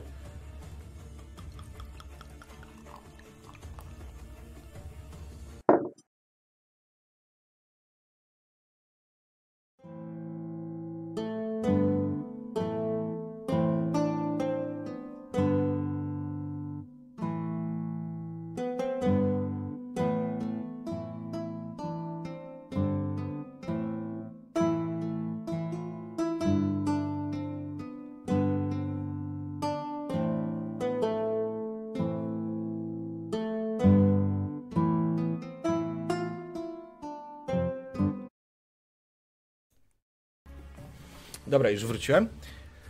E, Okej, okay. E, dobrze. Mm, co tam dalej? Takie pytanko. Czym był fresk oraz czemu był akurat w tych ruinach oraz kto go stworzył lub co? O ile dobrze pamiętam, przecież nawet było w dwóch miejscach, ale mogę się mylić. Tak, Kacper Jasiński. Fresk był e, pewnym fundamentem, pewnym magicznym obiektem, który zapisywał historię świata. I czy on był stworzony przez kogoś? Nigdy sobie nad tym się nie zastanawiałem. Elfy wiedziały, że coś takiego jest, takich fresków było, jest porozrzucanych po całym kontynencie, taki miałem zamysł. Wiele. Natomiast jest jeden, który zbiera te wszystkie informacje i jakby zapisuje tą historię wszechświata. Dzięki temu, korzystając z mocy fresku, mogłeś się pojawiać w różnych czasach i miejscach, nie tylko tego uniwersum, ale każdego innego, ponieważ Generalnie Wiedźmin, świat Wiedźmina jest stworzony na zasadzie multiversów i to jest ewidentne nawiązanie do Żelaznego i Amberu. Um, I nomen omen Fresk był swego rodzaju e, takim wzorcem. Ci, którzy znają Amber, e, będą wiedzieli o co chodzi. E, I na tym się wzorowałem. Także tak należałoby go rozumieć. On był swego rodzaju ochroną, osnową Zniszczenie tego fresku poprzez e, miecz, który korzystał Donimir, e, spowodowało, że tak naprawdę przejścia między tymi światami zostały zachwiane i pojawił się ten portal, który wypluwał tak naprawdę wszystko, co wpadło w niego. Mogło tam się pojawić dosłownie wszystko. Um, szkoda, że Tolra nigdy nie, na nikim nie użył Joli. Chyba lubisz bardzo, jak gracze rozkminiają takie poronione pomysły, bo nieraz dawałeś im pół godziny na zabawę tematem zupełnie niezwiązanym z kampanią. Wychodzę z założenia, że w każdej sesji musi być ten moment, w którym gracze będą odgrywać swoje postaci, wymyślać swoje dziwne, szalone rzeczy. E, I zrobienie Joli było jedną z szalonych rzeczy, ale myślę, że było po prostu zabawne, przyjemne i sympatyczne i i, i po prostu Jola e, i wynalazek Daltera na zawsze w naszych sercach. E, Mr. Tyler. Co, się, co działo się po odejściu Donka i Tolery z twierdzy po to, aby zrekrutować trolla i dalsze wydarzenia oraz co wydarzyło się, jak wrócili z powrotem do Ralena? Wiesz co? E, Poczekaj, aby zrekrutować trolle. To znaczy, co się wydarzyło? Oni, e, jakby sam Hołdborg i północna część Temerii przygotowała się do wojny z Redanią i jakby podczas tego, jak oni zbierali trolla, było zresztą była taka scena, w której oni widzieli, że Biały Most, most, e, most padł i Redańczycy przeszli na drugą stronę Temerii, no i zaczął się po prostu atak. E, więc tam po prostu i tam była nawet ta scena, gdzie oni się bronili i byli uciekinierzy z Białego Mostu. Więc to się działo, jak oni tam łapali trola. I dalsze wydarzenia. Raz coś wydarzyło, jak wrócili z powrotem do Ralena. Wiesz co? jakby nie mam tego wymyślonego, co się wydarzyło dokładnie. No z pewnością wrócili, z pewnością musieli się znaleźć w nowej rzeczywistości, w rzeczywistości, w której Redania tak naprawdę e, Radowid pada, upada, że tak powiem, jego władza. E, stracili wszystkich sojuszników, musieli się zderzyć z komplikacjami politycznymi ze wszystkich stron. E, gdzieś pojawiła się Dalka jako prawowita krew Wezimira, e, Wizimira, przepraszam, i jakby nastąpił całkowity, że tak powiem, przewrót sytuacji politycznej czy geopolitycznej, nie geopolitycznej na poziomie, na poziomie Redanii, a później geopolitycznej, kiedy doszło do Unii Temersko-Redańskiej. Ale to już, wiesz, są wydarzenia, które miały miejsce. Co się stało, jak oni się spotkali? Trudno, trudno mi teraz to. Nie miałem tego wymyślonego, to już nie było istotne. Dla mnie historia zamykała się w momencie, kiedy oni podejmują decyzję przy fresku. Wszystko inne jest swego rodzaju już epilogiem. Um, Wieszak. E, cześć Farmer. E, na przeszłym mówiłeś, że masz jakieś pomysły na kampanię z, z Kelgijczykami i z mitologią nordycką. Znaczy, tak, e, chodziło mi po głowie, że gdybym zaczął kolejną historię w Wiedźminie, to osadziłbym ją na wyspach Skellige i byśmy poszli w tamtą stronę. E, jaka była relacja pomiędzy Mileną i Telaradem? Skąd oni się znali? Czy, gdy, czy gdyby gracz został pociągnąłbyś ich wspólny wątek zamiast Donimira? Myra Jinx, e, to wynikało z historii Telarada. Telarad był e, półelfem. E, jego historia była bardzo dramatyczna, ponieważ e, był synem bogatego kupca, który zakochał się w elfce e, i już dokładnie tego nie pamiętam, bo to było w 2018 roku, ale była taka sytuacja, że jego matka została zabita w, w Gorswellen chyba, oni mieszkali, jak dobrze pamiętam. E, I pamiętam, że pamiętam, że on został wysłany właśnie do Kowiru i Powis, tam u jakiejś ciotki pobierał nauki. Również e, jakieś, e, z tego co pamiętam, magiczne. Później Milena była osobą ze Skojatel, elfką. Oni się jakoś spotkali, żeby pomagać. Jego ojca w tym czasie wysiudali z całego biznesu gildyjnego, więc stracili majątek i jego ojciec zaczął handlować z wiewiórkami. I tam była jakaś, kurde, tylko ja nie pamiętam i nie, nie, nie potrafię sobie tego przypomnieć. I wiem, że jego ojciec ostatecznie ginie i a Milena też odchodzi, e, odchodzi razem ze Skojatel, bo Telarat został chyba z ojcem. Tam była jakaś e, akcja z Hawekarami. Nie pamiętam już dokładnie tej historii, ale tak to mniej więcej było. I oni się znali, ponieważ on się zakochał w niej. On się po prostu w niej zakochał, ona go wykorzystała, z tego co pamiętam, na rzecz Skojatel, ale to była taka trochę nieszczęśliwa miłość, która zakończyła się ostatecznie tragicznie, natomiast to uczucie gdzieś tam było, dlatego ona mu pomogła w ruinach e, tego, tej świątyni. Co dalej z dziadem, który chciał spalić niepełną dziewczynę i zostawił list, że się zemści, a Donek skłamał, że tam coś innego jest napisane, że poczuł skruchę.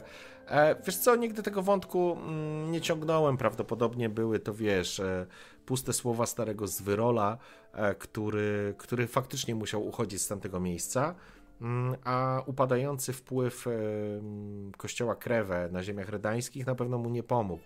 Więc e, żeby gdyby gdybym pisał jakieś tam zakończenie dla każdego Bena, który się pojawił, to pewnie, żeby sprawiedliwości stało się zadość, powinien gdzieś ten, e, ten, ten, ten zwyrol paść, ale gdybym. E, ale znając siebie, zakończyłbym jego historię informacją, że gdzieś e, w wiosce temerskiej albo w Kedwen, tak, tak sobie myślę, albo gdzieś na północy, w Lidze, na niewielkim placyku przy studni wioskowej, tej głównej, spotykają się młode dziewczyny, chłopki, śmieją się, rzucają jakieś białe kwiatuszki i rozmawiają ze sobą, że w końcu nasza wioska będzie miała swoją własną kapliczkę, bo z Redanii przybył do nas pewien kapłan Krewę.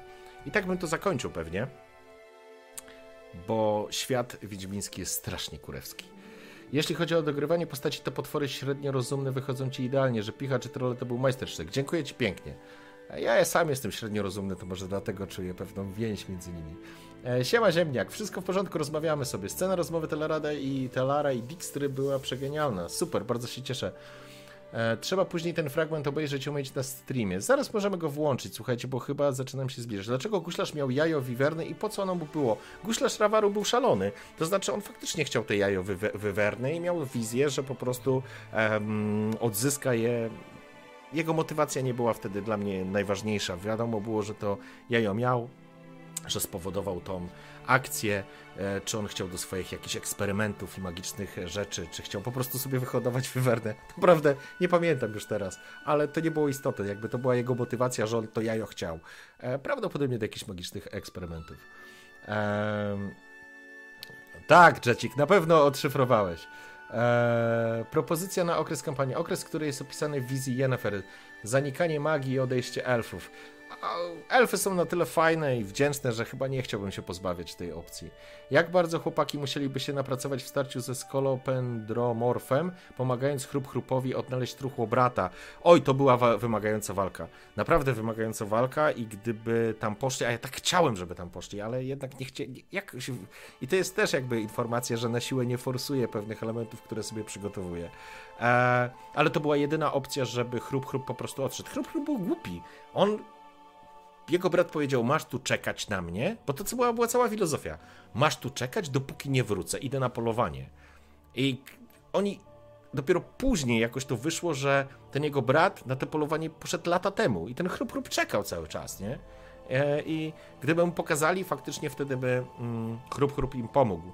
To znaczy mogliby zniszczyć ten most, odcinając, odcinając e, dostęp do, do obozu uchodźców, ale uznali, że wybrali inną drogę, bardzo ryzykowną. Wtedy Donek naprawdę, Donek był dwa razy tak naprawdę w ramach całej tej kampanii, o których pamiętam.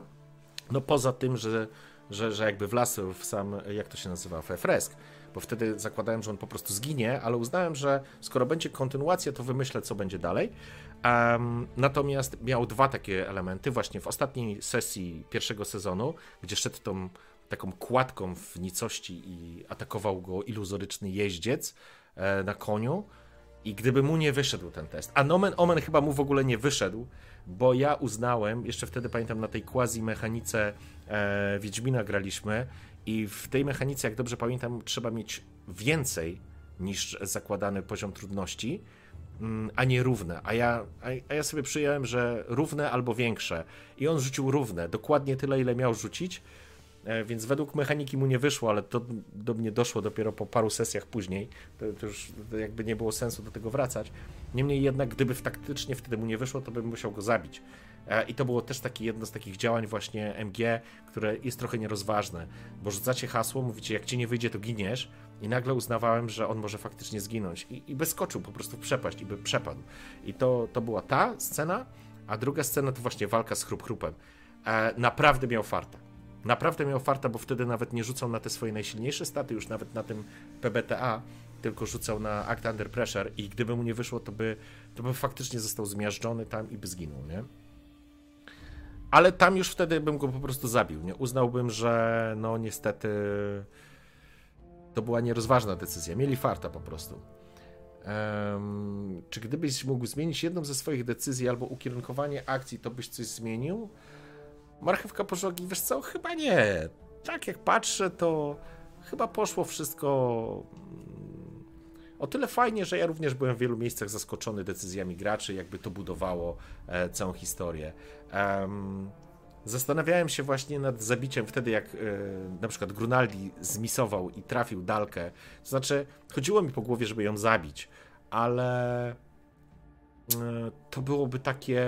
To było też improwizowane ja nie miałem pojęcia, co się stanie. I on jak tak zmisował, jakby to była czysta improwizacja, że ja uznałem, że trafia Dalka, ale uznałem, że zabicie jej e, chociażby idealnie pasowało do pechowca, by tak zaburzyło tą całą historię, że nie było sensu, więc uznałem, że po prostu ją rani.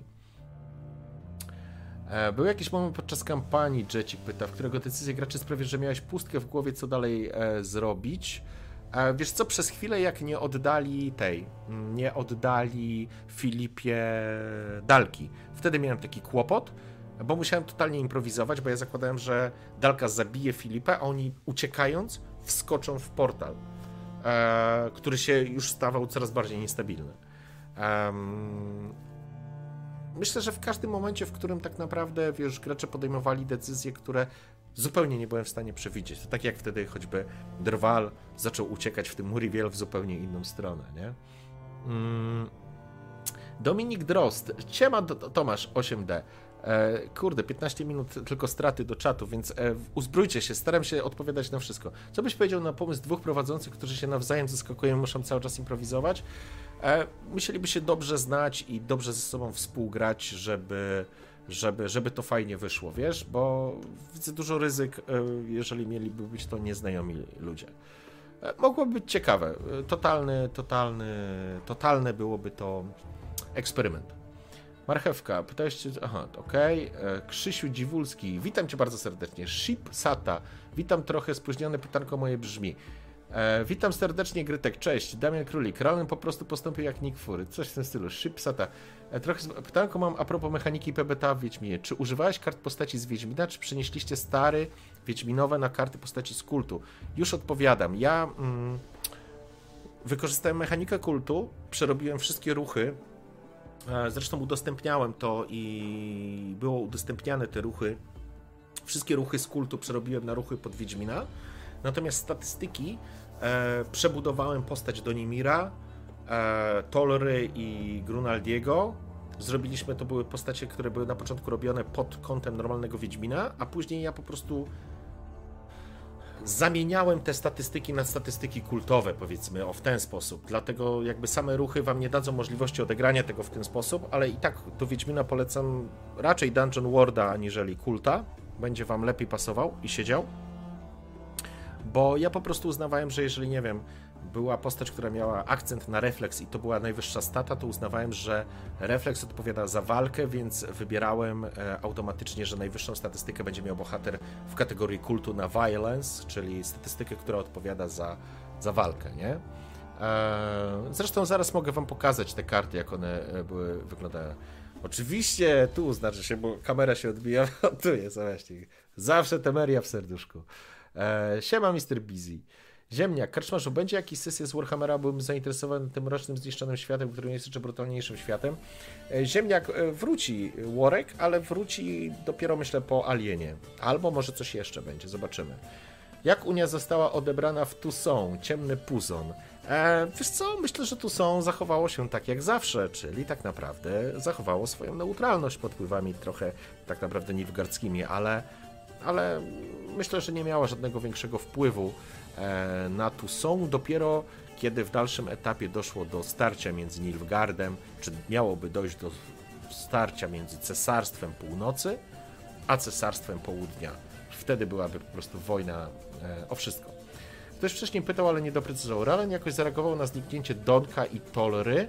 Jaka była reakcja Grunaldiego, czy po zakończeniu wojny zostali ukarani lub nagrodzeni za złamanie rozkazu? E, Ralen jakoś zareagował na zniknięcie Donka i Tolry, ale oni nie zniknęli. Oni zostali w tym świecie. Jaka była reakcja Grunaldiego? Czy po zakończeniu wojny zostali ukarani lub nagrodzeni za złamanie rozkazu? Nie rozumiem pytania, szuka. E, gracze często ryzykowali życiem i ratowały ich niesamowite rzuty. Co by się stało, gdyby Chrup Chrup trafił go w łeb, albo gdyby Tolra został przy dworku zaciupany? E, tak jak powiedziałem, e, Donek przy walce z Chrup Chrupem naprawdę, naprawdę e, miał paść. To znaczy miał. Gdyby mu nie wyszedł rzut, to by chrup chrup go po prostu zmiażdżył, albo zmiażdżyłby go zwalający się e, most. Genderman, hej, nie wiem czy ktoś pytał. Ciekawe mnie, co by się stało, gdyby chłopaki nie złamali rozkazu i zostali w zamku, zamiast ruszyć na teren Redanii na koniec gry. E, wiesz co? E, musiałbym improwizować, wiesz? Musiałbym improwizować, bo jakby ja zakładałem, może niesłusznie, ale zakładałem, że argumenty, których użyję, spowodują, że nie ruszą dupy. E, nie obawiałem się sytuacji, że oni zostaną. Byłoby to wbrew ich postaciom i wbrew, wbrew charakterowi, który do tej pory pokazywali na sesjach. E, I gdyby uznali, że pieprzą to, a, a nie mogli tego powiedzieć. Pamiętam, że miałem, to znaczy nie mogli, mogliby tak zrobić, ale nie zakładałem, że to jest realne, bo dla Donka Milena była mega ważna. E, po tym, co powiedział mu jego syn, to było stało się kluczowe. Dla Tolry też był wątek wpleciony z jego historii. Pług i jego przyjaciele, jego, jego przyjaciółka e, byli dla nich, e, były, to były bardzo ważne postaci dla, dla postaci Tolry i Grunaldi, który tam, ja zakładałem, że Grunaldi będzie, więc na sesji, więc tam był bardzo intensywny moment, w którym Grunaldi, bo miałem taką wizję, że tam oni są w tym pokoju Grunaldi jest tam i słyszy e, ustami Ralena informacje, które przekazywał Talar i Dijkstra, czyli że Muriel musi paść. I tam była sytuacja, w której Grunaldi, ja zakładałem, że Grunaldi będzie miał zajebiste przełożenie na nich, że powie, że ni chuja on nie będzie robił żadnej kuszy, on musi ruszyć ratować brata. I, i dlatego, jak już wiedziałem, że Grunaldiego nie będzie na sesji, musiałem to tak odegrać i też byłem ciekaw, co zrobią. E, bo oni mogli powiedzieć e, Grunaldiemu, ale myślę, że też chłopaki, e, wiedząc o tym, że nie ma Nexusa na sesji, nie chcieli drążyć tego elementu, więc trochę ten wątek odpuścili. Tak mi się wydaje. Ale z drugiej strony też byłoby całkiem logiczne założyć, że jednak uznali, że praca Grunaldiego jest na tyle ważna, może zmienić historię tej wojny z Redanią, bo ona zmieniła. Kusza pozwoliła zwyciężyć prostym ludziom, trochę jak w ostatnim samuraju, nie? Może nie aż tak istotnie, aż tak z takim przytupem, ale jednak. I oni tego nie powiedzieli, więc oni ruszyli sami. Um... Zawen, ee... wiesz co, zaraz powiem o Xarviusie. W ogóle pomysł na Xarviusa miałem inny, to jest w ogóle niepowiązana historia, to znaczy ja założyłem, że wszystko się dzieje w tym samym świecie, więc ci bohaterowie mają prawo się spotkać. Xarvius był e, faktycznie, tam był taki potent, to był wiedźmin e, zakonu Skorpiona i on, jemu się wydawało, że on uciekł z tego zakonu i że on po prostu zostawił za sobą jakieś piekło, e, że cała brygada Impera to jest tak naprawdę zakon Skorpiona, czyli wiedźmini, którzy służą e, za pretorian, tak naprawdę samego cesarza. I ja wymyśliłem wtedy taki patent, że on nawet nie wie, że jest szpiegiem cesarskim. Jest jak inni Wiedźmini z tego zakonu wysłani na północ, żeby zbierać informacje. I ta trzecia sesja, która była, która jest w ogóle niepowiązana z historią Donimira, Tolory i Grunaldiego, jak on zaczyna mówić do tego medalionu, to on stracił kontrolę. On jakby nie wiedział, że on po prostu mówi, że jest szpiegiem tak naprawdę, nie? Że cała historia, w którą wierzy, jest wymyślona, jest zaszczepiona mu przez e, jego twórców. Mm. Były momenty, w których gracze cię zdenerwowali, ale tak zagotowali, że sam miałeś ochotę się im odpowiedzieć czymś miłym. E, w Wiedźminie chyba nie było takiego momentu, szczerze mówiąc. W Warhammerze był, ale nie Wiedźminie. E, mm. Karcz, karczmarze się chyba mechaniki pomieszały, bo Under Pressure to chyba z Cyberpunka była. Nie. Under Pressure to jest, akt Under Pressure to jest e, ruch z PBTA w kulcie. A Under Pressure śpiewał sobie mm, to e, Dreadu. Tomasz Adamski, cześć, witam. E, dobra, no właśnie, kiedy następne sesje kultu i oczy będzie nowa historia? Będzie się jakoś odnosiła książek głupców? Nie wiem, czekam tak naprawdę na polską wersję. Zobaczymy, e, zobaczymy co będzie. E, będzie zupełnie inna historia, nie będzie powiązana z pierwszym sezonem. Hmm, czy będzie Mothership z widzami? E, wiesz co? Jest to jakiś pomysł na zrobienie sesji z czatem. Czemu nie? E, siema Ankalognu. E, dobra. Czy planowałeś wcześniej, że Tolera będzie chciał wrócić po trolla? Absolutnie nie to jest w ogóle, to był temat, który mnie, właśnie było pytanie, kiedy gracze zaskoczyli. Wtedy Dredu mnie absolutnie zaskoczył. Naprawdę mnie zaskoczył i ja, ja specjalnie tego, to, tego trolla wstawiłem w takich, a nie innych okolicznościach, żeby faktycznie Dredu nie mógł go wyciągnąć już na pierwszej sesji, bo on już wtedy planował go wyciągnąć, jak sobie przypomnicie.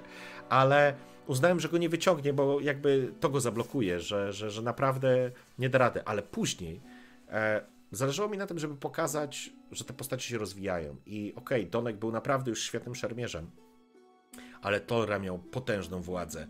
Grunali był fantastycznym inżynierem. Zwróćcie uwagę, z punktu widzenia strategicznego to wynalazek Grunaldiego zmienił oblicze wojny. To Tolra, mając do dyspozycji e, tysiące koron nowigradzkich, które ilustrowałem jako punkty zasobów, po prostu mógł e, dokonywać rzeczy niebywałych. I kiedy on zdecydował na to, że pójdzie ten zasób na wyciągnięcie trola, oczywiście mogłem powiedzieć, że to bez sensu, że nie ma możliwości, że to jest trudne, ale uznałem, że z drugiej strony dlaczego nie? To jest zajebisty pomysł. To jest też jakby kolejne pokazanie, że jakby jest dużo przestrzeni, w której gracze mogą sami podejmować decyzje, choćby one były dziwne. E, wiedziałem, że to będzie związane, będzie trudność, że Tolera, o właśnie, śmierć Tolery była bardzo realna w kontakcie z... Mm, z trolem, czyli z Gorlkiem, bo gdyby mu nie wyszedł test, Gorg by go zabił. I tyle. I Tolora by zginął w, w tym, tym, e, w, mm, w, w, w tej jaskini. Zniknęli w sensie mieli siedzieć na zamku jak stronki, ale poszli po trola. Tak, to, to już było. Czy on ich jakoś krył? E, Horst? Tak, Horst się nie wygadał. Mm, e, tak, e, Horst się nie wygadał, a uznałem, że Grunaldi był zajęty i pochłonięty tak naprawdę domykaniem procesu tworzenia swojej kuszy, więc e, Grunaldi fabularnie był w swoim raju. Mógł w końcu dokończyć swoje dzieło życia i nie było dla niego problemu, że oni gdzieś zniknęli. To znaczy zniknęli, po prostu coś się stało. E, Act Under Pressure, tak, no, Act Under Pressure jest takim standardowym krokiem w PBTA. Mm, Wiadomo już, kogo widzisz w Warhammerze, czy raczej ten sam skład, co w ostatniej sesji, lecz uszczuplony od Nexusa. Damian Królik, nie mam pojęcia, jak będzie wyglądał skład e, do Warhammera na dzisiaj, bo i Dreadu, i Nexus są, że tak powiem, wyjęci czasowo, więc e, nie chciałbym, że tak powiem, doprowadzić do sytuacji, w której sesje są nieregularne, więc teraz Staszek wrócił do obcego i Staszek, e, młody tata, em, jest w stanie wygospodarować czas, więc bardzo realne, że Staszek będzie i myślę, że będzie bardzo realne, że będzie Drwal, bo Drwal jest rezydentem. No chyba, że powie, już mam cię dosyć, stary, łysy capie i nie chcę u ciebie grać, to, to, to wtedy nie, ale nie potrafię powiedzieć, jaki będzie skład. E, Jarwer, siema. Piotrek S. Jakie konsekwencje dla dalszej historii pojawiłyby się, gdyby Dolimir dostał w łeb od trolla i zmarłoby mu się? Koniec historii? E, Piotrek S. Wiesz co? E, nie wiem. Nie potrafię ci powiedzieć. Nie zakładałem scenariusza, w którym on ginie, chociaż w sytuacji, w tej scenie, kiedy on walczył, e, wiedziałem, że go zabije, jeżeli mu nie wyjdzie. Że akcja, którą podjęli, była tak ryzykowna, że po prostu ich zabije. E, Wówczas bym dokończył tą sesję, bo, bo ją dokończył, bo miałem ją zaplanowaną, czyli dotarcie do Szani i uciekinierów, a później razem z Jani do, do serca lasu. A co byłoby dalej? Nie wiem, to tak samo jak się zastanawiam, co się stanie, jak Dalka zginie. E, cała polityczna huśtawka by się zmieniła. Ale nie, nie mam tak rozpisanych e, scenariuszy, że mam 40, wiesz, 40 wariantów jednej sytuacji. Mm, Jak co dobrze ci wyszedł Dijkstra, może będzie więcej osób do grania w następnej sesji, a może jakaś historia Wiedźminów. E, Pewnie Wiedźmin jako Wiedźmin by się mógł pojawić, ale Wiedźmin jest strasznie potężną wykokszoną postacią. E, I boję się, że gdyby pojawił się Wiedźmin, mm, to wszystkie inne postacie stają się poboczne. No może czarodziej, mag byłby jeszcze równy Wiedźminowi, ale, ale to jest właśnie problem systemu Wiedźmin. Dlatego mówiłem o tym, że Wiedźmin idealnie musiałby się grać solo i pewnie tak, ale ja nie zakładałem, że będę się tak świetnie bawił grając Wiedźmina bez Wiedźmina. To było coś zajebistego i polecam wszystkim, naprawdę. Myślę, że w tym roku jeszcze zdąży wrócić do Wieśka. Wiem, że prawie 3 lata i 30 sesji ty chcesz odpocząć, ale wiesz, chyba ta seria mocno wyproponowała to yy, twój kanał. No Wiedźmin, no tak, Kaczmarz się bardzo mocno, mocno wiąże z Wieśkiem i cała BPP, polecam wszystkim, zobaczcie sobie.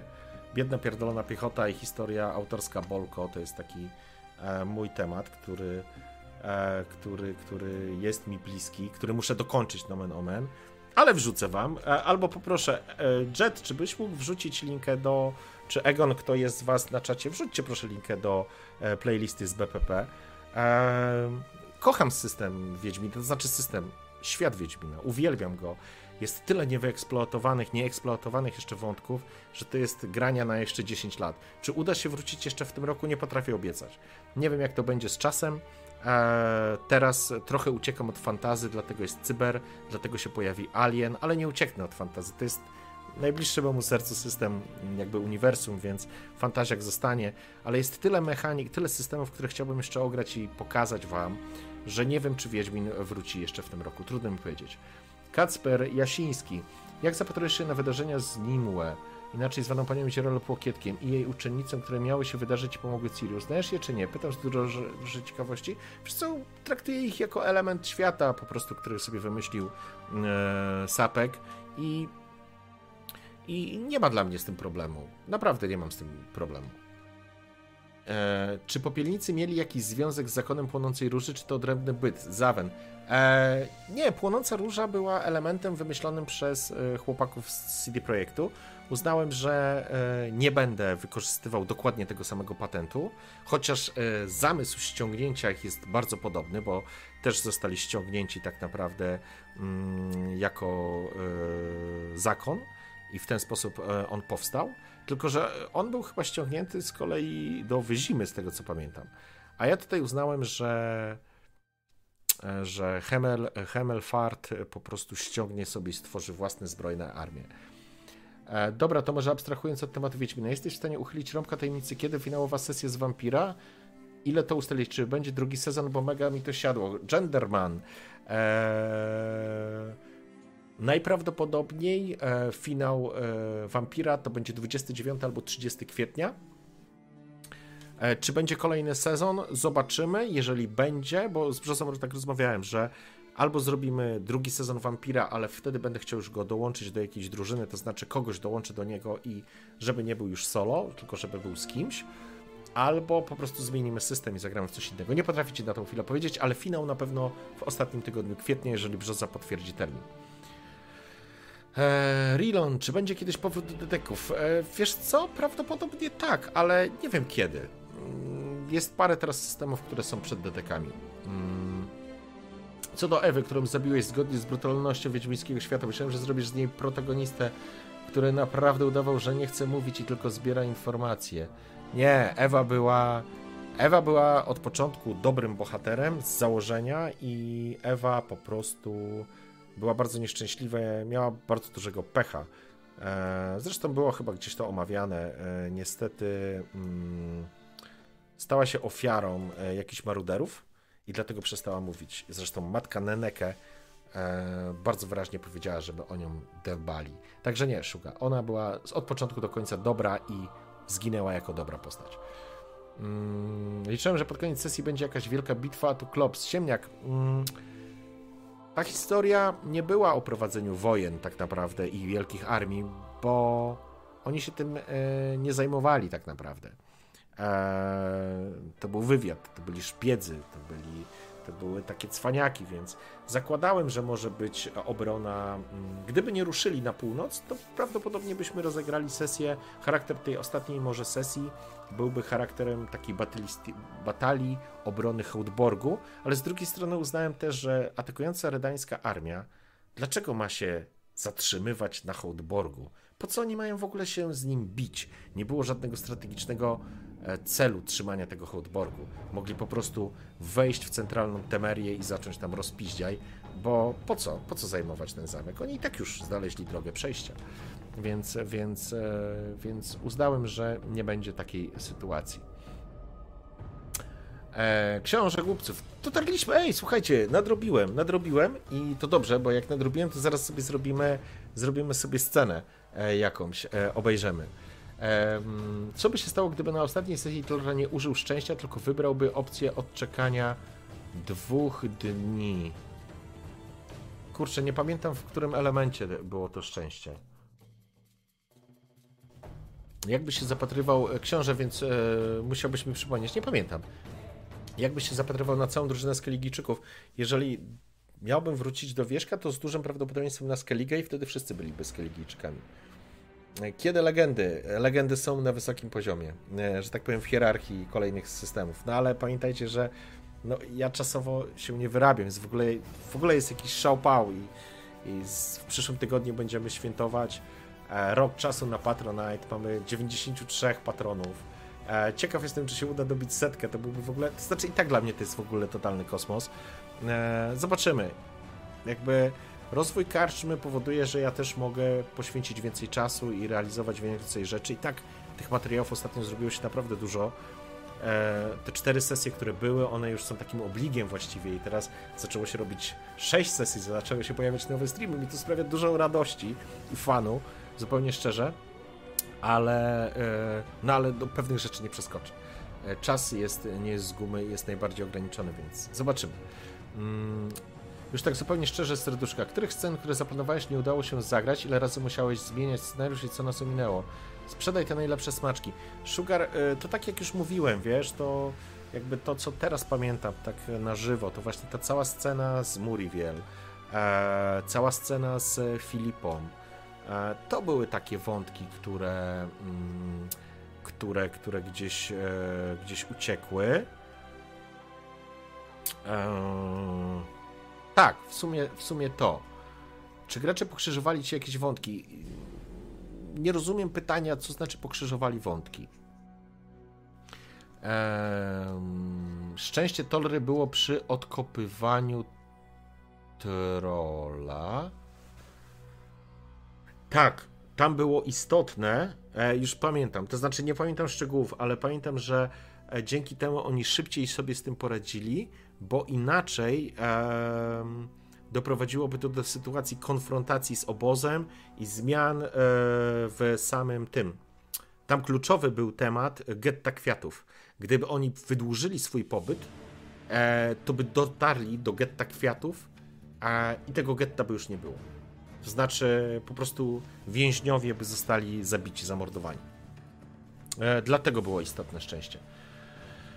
Eee... Nadrobiłeś. No i dobrze, wiesz, no słuchaj, i tak całkiem nieźle, że kurczę, po półtorej godzinie udaje mi się dotrzeć. Jak byś potoczył historię, gdyby Donek zmarł w którymś z momentów sesji? Co by się stało? To tak, Rzeczek, jak mówiłem, nie miałem zaplanowanego tej historii. To by musiało być tak, że wtedy, gdyby na przykład Donek zginął z chrup chrupem, no to byłaby sytuacja, w której bym zakończył sesję, bo miałem materiał na tą sesję przygotowany, a później musiałbym się zastanowić nad konsekwencjami. To nie byłoby tak, że świat by się rozpadł, e, ale byłyby jakieś na pewno potężne konsekwencje. Mar Myra Jinx, e, co zapadło mi w pamięć, no to też gdzieś jakby pokrewne pytanie do tego, co tych, tych takich najciekawszych scen, o które się pytał Szarobury.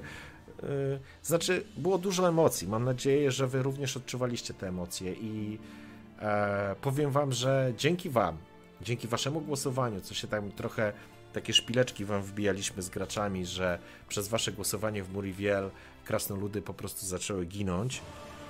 Ale powiem Wam, że stworzyliście, kochani, jedną z najlepszych scen, którą będę pamiętał z tej całej kampanii i chciałbym za to podziękować, bo, e, bo te Wasze głosowania, one naprawdę mają znaczenie. Oczywiście nigdy nie chciałbym doprowadzić do sytuacji, że mm, każda historia będzie tak naprawdę, y, że możecie w jakiś zdecydowany sposób wpłynąć, ale to był fajny smaczek. Stworzyliśmy fantastyczną scenę i naprawdę sceny tego Jetforka i Wezoka kłócącego się.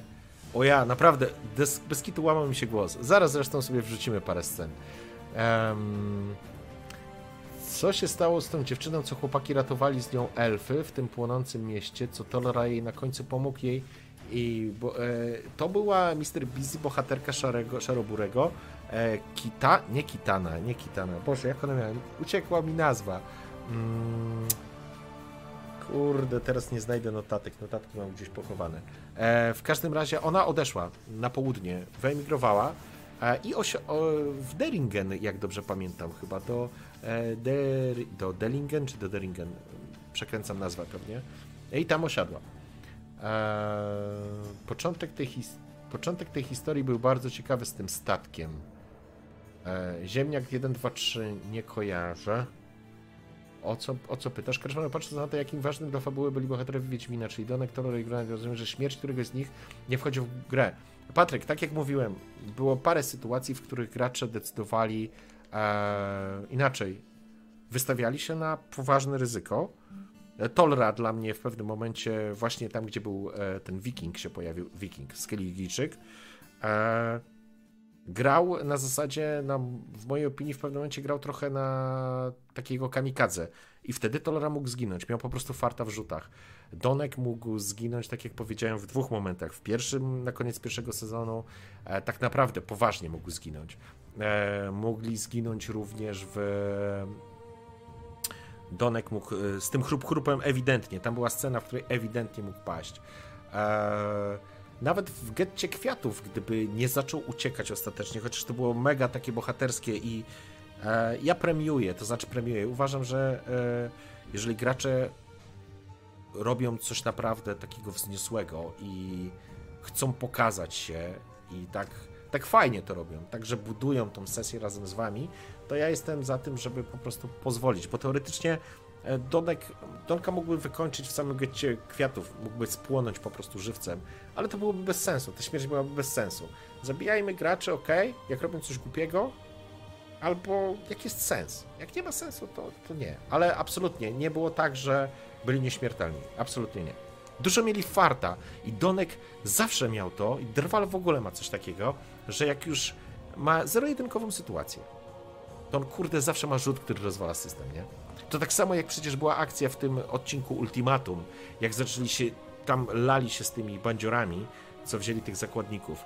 Przecież Donek tam rzucił 20, dwie dziesiątki i choćby w tym mechanice kultu nie ma czegoś takiego jak sukces yy, krytyczny, no ale to uznałem, że jak ktoś rzuca dwie dziesiątki, to coś się mu należy. To po prostu e, palec Melitele go dotknął i wyszło coś fantastycznego, więc dlatego, dlatego tam też było duże ryzyko. Nie, tam wtedy ginął e, kto? Grunaldi umierał. Grunaldi chyba umierał, jak dobrze pamiętam. E, prowadziłeś kiedyś e, Savage Wars? Nie, nie mam żadnych doświadczenia. E, Sugar nie wiem, może się odezwą, CDEP, CDEP, jakbyś, jakbyście chcieli, to chętnie pomogę. Um, nie no, Fresiu, do scen wrócimy. Tiana, dokładnie, dziękuję Marchewka. E, ta dziewczyna z Rinde nazywała się Tiana. Eee... Dillingen, tak, Dillingen. Mm, który sezon był dla Ciebie najlepszy? Według mnie sezon drugi miał najwięcej emocji. Eee, drugi albo trzeci tak naprawdę. Oba te sezony dużo radochy mi sprawiły. A chyba właśnie między innymi dlatego, że były już zespoły. Chyba drugi, bo e, faktycznie tam były jeszcze te dwa mocne wprowadzenia dla tych krasnoludów. Bardzo emocjonalne dla mnie były i, i fajnie. No, to był fajny film. Um... Szuga, jeżeli coś ci się przypomni, możesz zawsze napisać na tym, na, na priva na Face'a albo skomentować, bo ten filmik będzie zapisany na YouTubach, także możesz dodać komentarz. Tak, Tolera, masz rację. No właśnie nie pamiętałem, ale to Tolera. Ale poczekaj. Tolera umierał, a Grunaldi umierał przy Cembrowni. Tam była sytuacja, w której oba krasnoludy padały. E, jak mogli ich przekonać do tego, żeby ich plan się powiódł? Czy nie było w to w ogóle. Genderman, to w ogóle było zabawne. Właśnie, pytaliście się o sceny, które w ogóle was pominęły. Ja zakładałem, że oni tam faktycznie. Tam, tam dojdzie do konfrontacji między zbirami a nimi. E, natomiast ich plan był tak absurdalny, że ja uznałem, że to będzie jakaś totalna katastrofa. I słuchajcie, i, i, i, trochę mnie to irytowało na zasadzie, może nie irytowało, ale taki byłem, kurczę, to jest poboczny wątek w sumie i oni po prostu się wykładają na takim czymś, bo plan mieli tak totalnie z dupy, że naprawdę on nie miał prawa wyjść. Ale ja zakładałem sytuację, w której oni konfrontują się z tymi przeciwnikami i e, znajdują brata. E, tam miałem cały wątek, że część z nich już uciekła, właśnie przedzierała się do Redanii, że jest pelikani brud, chyba tak, czy żurawi brud, już nie pamiętam, wymyśliłem sobie. I tam oni by dotarli i znaleźliby martwe ciało, e, nie martwe, dwóch braci było. Jeden z braci e, by Grunaldiego był tam martwy, a drugi byłby przyciągnięty razem z bandytami e, na drugą stronę Pontaru e, i też by mieli wątek, e, Grunaldi miałby wątek, dla którego miałby pójść i ruszyć w kierunku redańskim. Siema marchewka, trzymaj się. Um, także Genderman, zostawiłem tam na totalną inwencję ich. Uznałem, że ostatecznie zawsze dojdzie do konfrontacji. Eee, ale uznałem, że jeżeli będą mieli dobry plan, ciekawy plan, sprytny plan, to why not? Mogą ich wykraść, mogą ich oszukać, mogą pertraktować, mogą cokolwiek. Ale oni poszli z planem pod tytułem chodźcie na wóz i my was wywieziemy. E, I najlepiej zostawcie tutaj zakładników. No, to było tak z czapy, że masakra. E, co by było, zakończenie, co by było, gdyby do portalu weszli? E, Łukasz Zakręt znaleźliby się w swoim wymarzonym świecie jako szczęśliwi ludzie. założyłem, że mają do dyspozycji albo wyidealizowany świat, który nigdy nie był im dany, albo pozostaną z bliznami w świecie, który jest im znany, w którym wypracowali własnymi ręcami i łokciami swoją pozycję. Mm.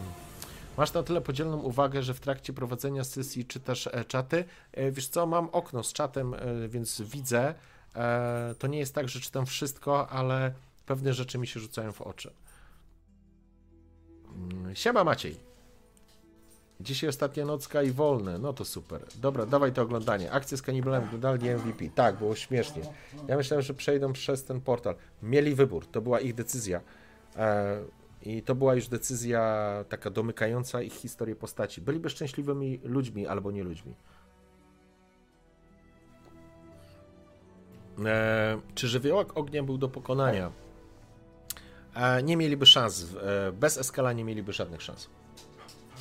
Siema Funker. Mm, to znaczy nie daliby rady po prostu, nie? Ten żywiołak by zrobił totalną masakrę.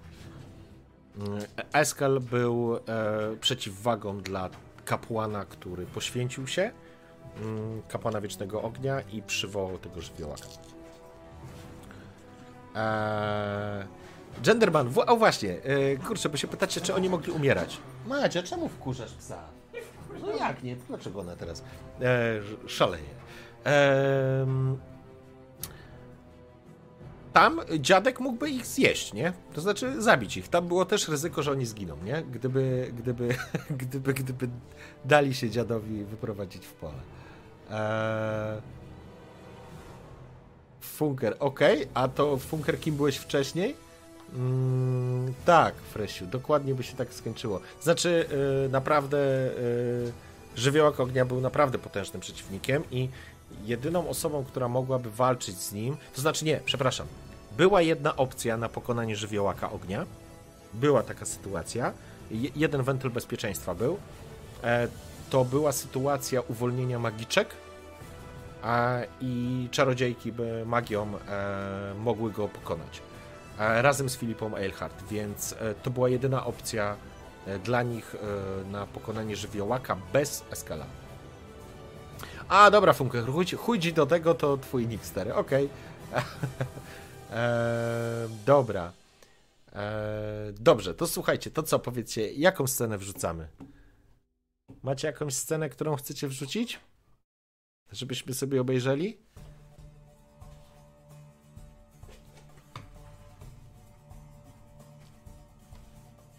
Magic, jesteś tu jeszcze? No. Młody śpi? Tak. Ludź. Dijkstra i Talar?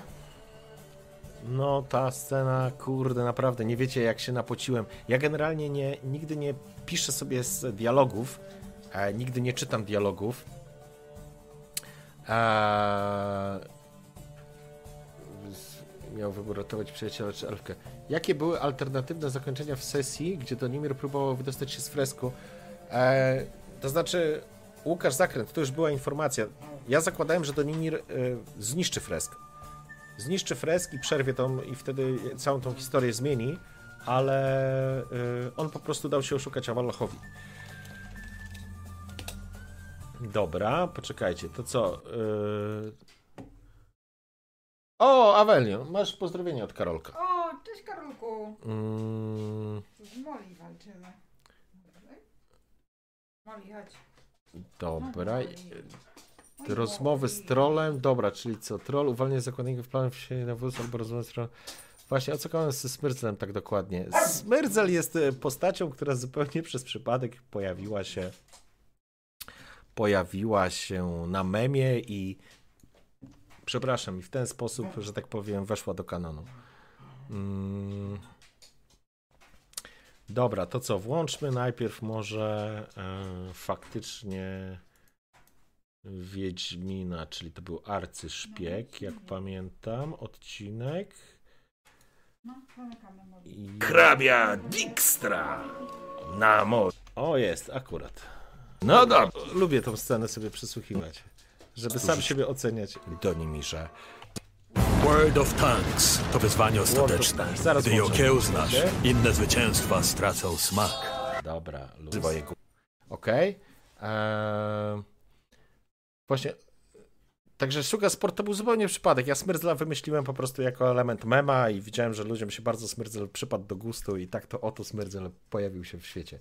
Pamiętasz scenę z drugiego sezonu, gdzie podczas pogromu chłopaki przeprowadzają grupę elfów z Dianą po uratowaniu ich prosto z łap popielników i widzą prowadzone na stos inne elfy i wiedzą, że muszą ich porzucić, bo wszyscy zginą, są całkiem bezsilni. Świetna scena, podkreśla, że bohater bohaterem, ale całego świata. E, no, to była jedna z tych emocjonalnych scen. Zresztą e, tam również był ten wątek, gdzie, jak pamiętam, Denimir miał przebłysk tego, co by się stało, gdyby, gdyby zaingerowali w to. E, dobra, ja to włączę. Tu mamy jeszcze, słuchajcie, czaty. O właśnie, to możemy zrobić. A, to inaczej zrobię. Poczekajcie, zrobimy tak. I pytanie, czy, czy, czy będę mógł. Przechwytuj konkretne okno. E, ok. I czy ja mogę tutaj coś zrobić? Nie mogę. No dobra. A jakbyśmy zrobili. Że pana powiedzieć skrótu klawiszowego. Co? A to? To jest. Aha, to nie to, dobra. Czekajcie, dobra, to ja już sobie to zrobię inaczej. O tak to zrobię. To da... O kurde. Dobra, nie ten ekran, o ten ekran, ok. Dobrze. Dobra, i tu jest gitarka. Tak sobie zrobimy. Zostawmy, słuchajcie, te e, czaty, bo może będziecie widzieć e, swojego, swoje, swoje, swoje te. Dobra, e, pokaż tego mema, jak masz pod ręką. Którego mema? A co się stało z tą elfką, co zmieniła się w pumę? Dragon Age 9.3 Jani. Jani dalej walczyła o wolność i gdzieś tam funkcjonuje. Pewnie wróciła do Brokilonu, bo była driadą. Ale przetrwała. Wielka, nalana, gruba twarz jakby lekko zwisała na klatkę Spoko, piersiową, jakby Nie ciężko mu było tutaj siedzieć. Po drugiej stronie, tak jak powiedziałem, jest talar i w tle Reklama znajduje się kapitan Ralem. No to, Sugar, musisz wejść No na dobrze, Wiecie, a, nie właśnie. mi trężmy, bo to kurwa prawdziwy dar z... Słuchajcie, jedną tylko rzecz wam powiem. Naprawdę, e, ja nie piszę sobie opisów. Nie znoszę osobiście czytać opisów z, ksio- z kartki.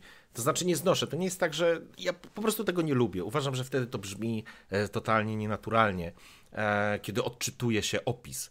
E, I ja z tego nie korzystam, wiem, że są mistrzowie gry, którym to pomaga. Ja po prostu niespecjalnie, niespecjalnie lubię. To, to znaczy w ogóle tego nie toleruję. Natomiast miałem takie ciśnienie przed rozegraniem dialogu mm, właśnie Dijkstry i Talara, że to są tak zajebiście kultowe postaci, że ja sobie napisałem całą tą rozmowę, nie? Na początku chciałem się jej nauczyć na pamięć, ale uznałem, że będę tak zestrachany odgrywając to, że na pewno pozapominam, a są ważne elementy, których nie mogę zapomnieć. Więc ja przez tydzień, bo pamiętam, że jedna sesja się przepadła i miałem tydzień czasu jeszcze więcej i ja naprawdę to jeżeli miałbym określić najbardziej wymagającą scenę, to to jest ta scena. Bo naprawdę do niej się przygotowywałem, żeby po prostu ją odegrać i to była pierwsza cutscenka w życiu, którą zrobiłem w ramach sesji RPGowej, bo nigdy tego wcześniej nie robiłem, ale uznałem, że no jak się, wiem, już puszczam. No, pomimo naszych bohaterów wielkich bohaterskich, e, oni nie są żadnymi mm, jakby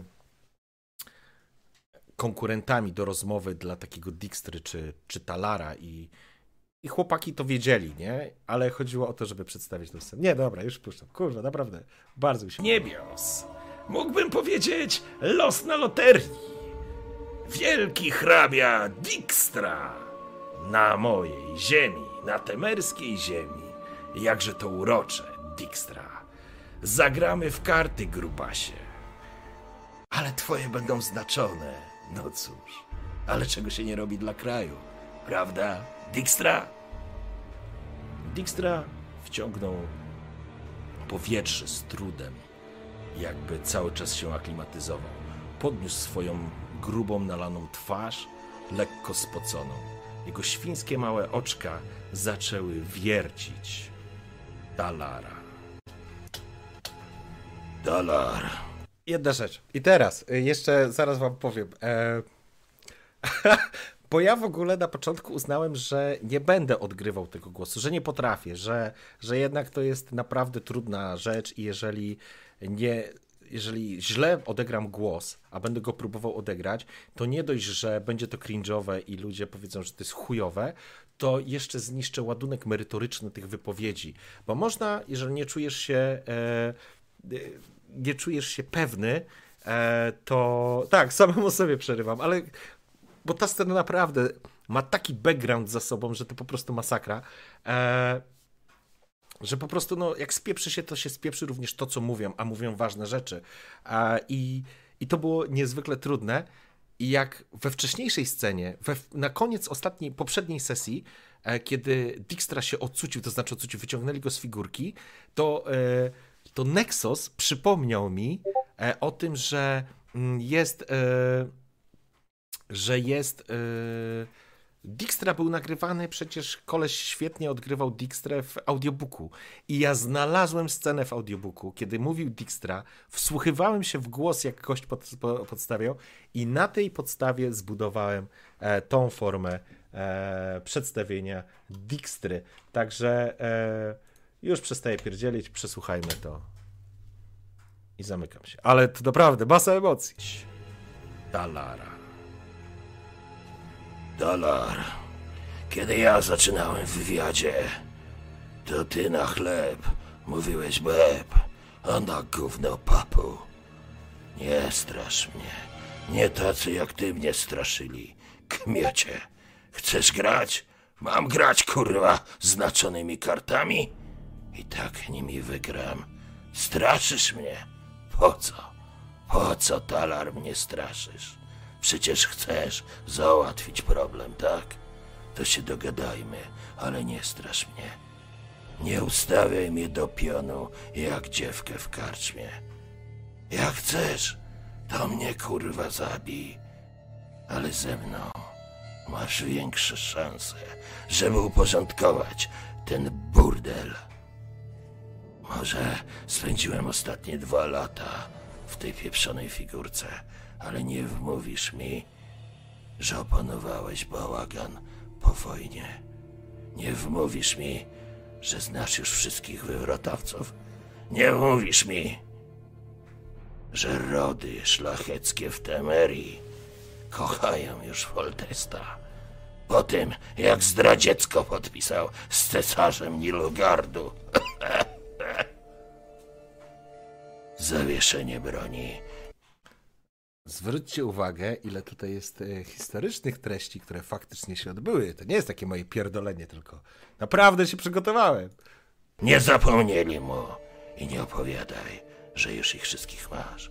Chyba, że chcesz, żebym ci kurwa podyktował nazwiska. Znam waszą sytuację, Talar. Wiem, co się dzieje, pomimo mojej dwuletniej nieobecności. Temeria rozlokowała wszystkie główne garnizony wzdłuż Jarugi, a nie Pontaru. Bo się kurwa talar boicie.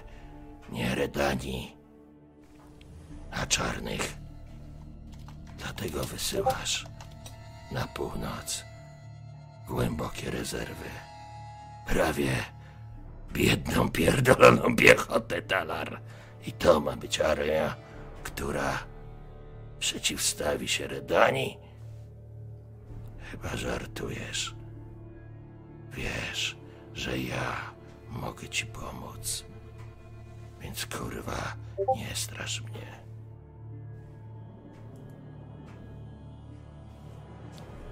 Talar przetarł usta. Poprawił monokl. No proszę, proszę. Jebany grubas mi stawia warunki. Tu, na mojej temerskiej ziemi. Blefujesz, Dijkstra. Jak zwykle, gruba świnio, po prostu blefujesz. I taka jest prawda. Natomiast w przypadku Talara było trudniej, bo Talar tych swoich kwestii miał dużo mniej tak naprawdę e, i trudno było mi go, że tak powiem, mm, zbudować, ale myślę, że udało mi się e, przekazać jego e, sposób bycia i sposób mówienia. Nie jesteśmy w twoim Drakenborgu. Jesteśmy tu, na Hodborgu. I musisz zrozumieć, że to, co zrobiła twoja ukochana Redania, i będzie płacić za to przez lata. Wypowiedzieliście wojnę swojemu długoletniemu sojusznikowi Dijkstra. A wiesz, co się wtedy kurwa dzieje, grubasie? To ja ci powiem, bo może od tej magii ci się w głowie całkiem popierdoliło. Dzieje się to, że wszyscy sąsiedzi Redani bardzo ostrożnie spoglądają się na to, co się wyprawia, na wypowiedzenie wojny sojusznikowi bezmocnego Casus Belli. I wiesz, co się stanie, grubasie? Ot, ja ci powiem, bo może nie rozumiesz. Siądziemy do jednego stołu z Kowirem i Powis i może siądziemy również z Henseltem z Kedwen, a może zaprosimy siedzące, leżące i właściwie wstające z kolan Edirn i rozbierzemy ten nadpontarski kraj. Pytanie, czy wyłapujecie? Nadpontarski kraj to jest nawiązanie do polskiej historii, jak mówiono, nadwiślański kraj o Polsce e, przed podziałami, przed zaborami. Ale e, o easter eggach tutaj też się znajdą. na równe części. I tak się skończy historia Białego Orła w czerwonym tle Dijkstra. I gdybym cię nie Biały orzeł w czerwonym tle też jest zamierzony nawiązaniem do Polski. znał, może bym ci kurwa uwierzył. Ale wiesz, ty jesteś pierdolony patriota. Znam takiego jednego. Chuj straszny. Ale patriota. I nie pozwolisz sobie na to, żeby Redanie szlak trafił. Ale zanim do tego, to pamiętaj, grubasie, że twoje życie jest w moich rękach i zależy kurwa od mojego dobrego samopoczucia. Wkurwisz mnie? To każę chłopakom chlasnąć cię nożem po gardle, a twojego trupa wrzucimy w wykrocie gdzieś w lesie. Mrówkowie obiorą cię do białej kości. E, Ten format to jest też cały, cały cytat jest zbudowanym easter eggiem. E, Wykrot. e, Tu uciekło mi w tym całym emocjach. Zapomniałem powiedzieć, e, dopowiedzieć e, zdania, że zostanie twoje trucho wrzucone do, w lesie w wykrocie, a innym powiemy, że zmarłeś na przypływ fluidów i humorów. I to jest easter egg z trylogii husyckiej. Em, fantastycznego gościa, bohatera niezależnego, to znaczy bohatera książki e, Horna, e, który mówił tak do pewnego księżula. E, I druga rzecz, e, a mrówkowie obiorą, mrówkowie sformułowanie też jest easter eggiem, ponieważ jest zapożyczone od Sapkowskiego z takiej książki pod tytułem em, Manuskrypt znaleziony w, w jaskini, coś takiego, już nie pamiętam tytułu. I to też jest ta formuła. Dobra, już przestaję pierdolić, ale sorry, bo to, wa- bo to ważne rzeczy. Wrzucimy w wykrocie gdzieś w lesie. Mrówkowie obiorą ya, cię do białej papa. kości i nikt kurwa nie będzie po tobie płakał. Panowie, odzywa się Filipa Eilhart. W smoczej japie, dokładnie. Panowie, kiedy wy zakończycie ten żenujący spektakl? To już nawet nie jest niesmaczne. To jest zwyczajnie nudne. Czy faktycznie jedynie kapitan Ralen i ci trzej bohaterowie są osobami, z którymi mogę o czymkolwiek rozmawiać? I tu jest ten wątek dotyczący pana Lusterko. Ralen lekko się skłonił. Panna Eilhart wybaczy, ja jestem jedynie kapitanem, próbując jakby w ogóle nie wchodzić między dyskutujących szefów wywiadu. Sama Filipa uśmiecha się uroczo do Ralena. Oj, chyba nie tylko, kapitanie. Kobieca intuicja, ona nigdy mnie nie myli. No. Widać. Talar poprawił monokl. Coś w tym kurwa jest. To co? Dijkstra, spuścisz powietrze z balonika? Może się kurwa dogadamy? Może zostaniemy kolegami i podamy sobie ręce, co? Może nawet zostaniemy kurwa najlepszymi przyjaciółmi, wiesz? Pójdziemy najebać się do karczmy, a później do burdelu. Spogląda na Filipę. E, panienka wybaczy, ale chyba wasze amory to już historia, prawda? To jak będzie? Robimy kurwa interes czy nie? Dijkstra znowu ciężko odetchnął. Michał. Tak, ja Spojrzał wszystkim się płacę, żeby ze mną grali. Jeszcze wam za to, żebyście Filipa. oglądali. Phil, lata płyną, a ty się nie zmieniasz. Trudno odmówić ci racji. Dobrze, zatem dogadajmy się. I teraz spogląda na Talara. Ale Talar, pamiętaj, nie jestem twoją suką. A skoro się dogadujemy, to powiem wam, w jaki sposób można odsunąć tego skurwysyna od władzy. Bo kluczem i podstawą do odsunięcia Radowida od władzy jest krew Wizimira. Tylko krew Wizimira może zmyć Radowida z jego tronu. Wizimir, poza małym skurwielem, Radowidem, miał dwie córki, Dalkę i Milkę. Milkę, spogląda z powrotem na Filipa Ilhart. Chyba znasz, została czarodziejką. Masz z nią kontakt, Filipa? Czy kamień w wodę? Bo skoro jest już czarodziejką, to żadna szlachta na świecie nie zgodzi się, aby postawić ją na tronie zamiast Radowida. Nikt wam, kurwa, nie ufa po tanet. Więc kluczem jest Dalka, córka, ta sama, która miała być żoną Foltesta, ale wasz król wolał chędożyć własną siostrę. I dlatego Wizimir powiedział takiego wała. Jego wielkie łapska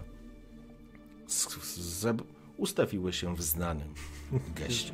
Nie potrafiłem I zebrać słów. podobno Dalka została oddana na kapłankę krewę. Więc musimy znaleźć Dalkę, bo ja wiem, że z niej kapłanka, jak ze mnie tancerka egzotyczna. Jeżeli będziemy mieli Dalkę, będziemy mieli królewską krew. A jeśli będziemy mieli królewską krew, będziemy mogli ściągnąć Radowida z tronu. Co więcej, możemy wrócić do pewnego pomysłu sprzed 30 lat. O kurwa, gruba świnio, naprawdę o tym myślisz? A masz lepszy pomysł? To niesamowite, Filipa uśmiecha się. Niesamowite. Jakże twój obleśny widok Dijkstra jest mylący. Jakże genialny umysł czai się w środku twojej tłustej głowy. Naprawdę chcecie? A czemu nie? To zajebisty pomysł. Gdyby Dalkę zeswatać jeszcze raz z Foltestem, utworzylibyśmy Tak, utworzyliby się największą pierdoloną Unię w tej części kontynentu. Silne, potężne, dwugłowe państwo, które mogłoby się przeciwstawić sile Zajarugi. A kto wie, może i odebrać Cintrę, a może i dalej, dalej na południe. Więc co? Jak to zwykłeś mawiać, Talar? Robimy kurwa interes? Czy nie?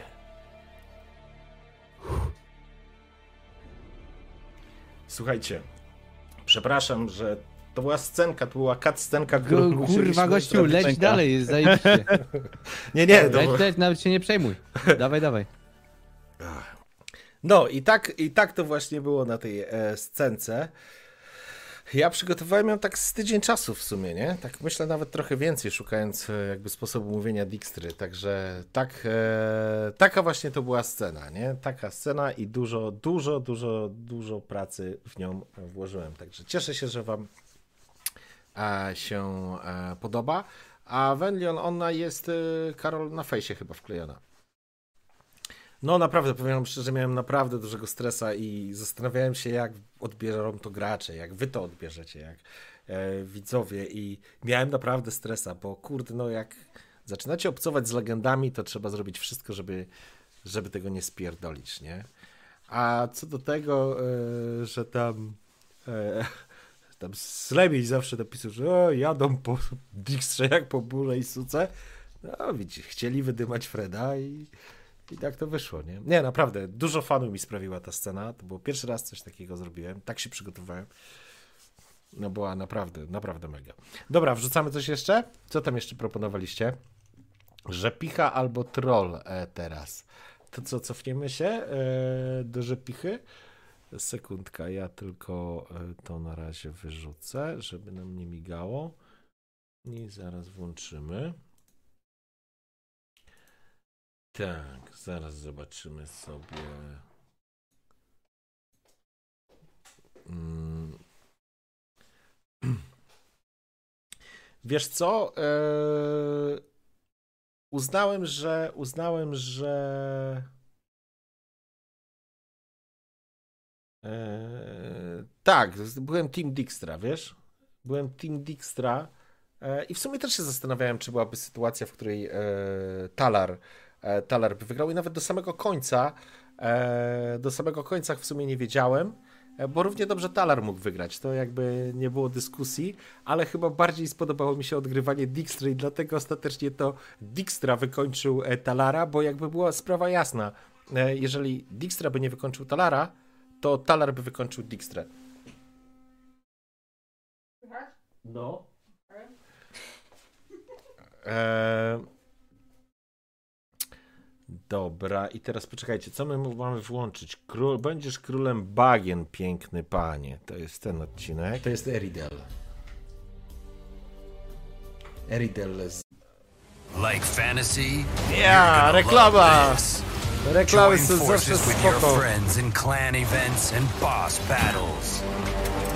Over 10,000 possible builds. Yeah! zabierze cię do Boże, jednej z ostatnich elfii. jakie... Jeszcze do, do świtu. O, Moli! Moli! Słyszysz tylko chłopca. Książę, już dzisiaj raczej Kiedyś talismanu nie odpalimy. Tak, piękny panie. Kurwa, jaki to cringe. Ale zobaczmy. Bardzo wiele uczucia. E, także, także, no ale to nie będzie pierwsze, pierwsze serce, jakie zamierzam złamać, tak? Mój, mój. Czekajcie, gdzie? Zatapiesz się w ciemności, drogi Danimirze.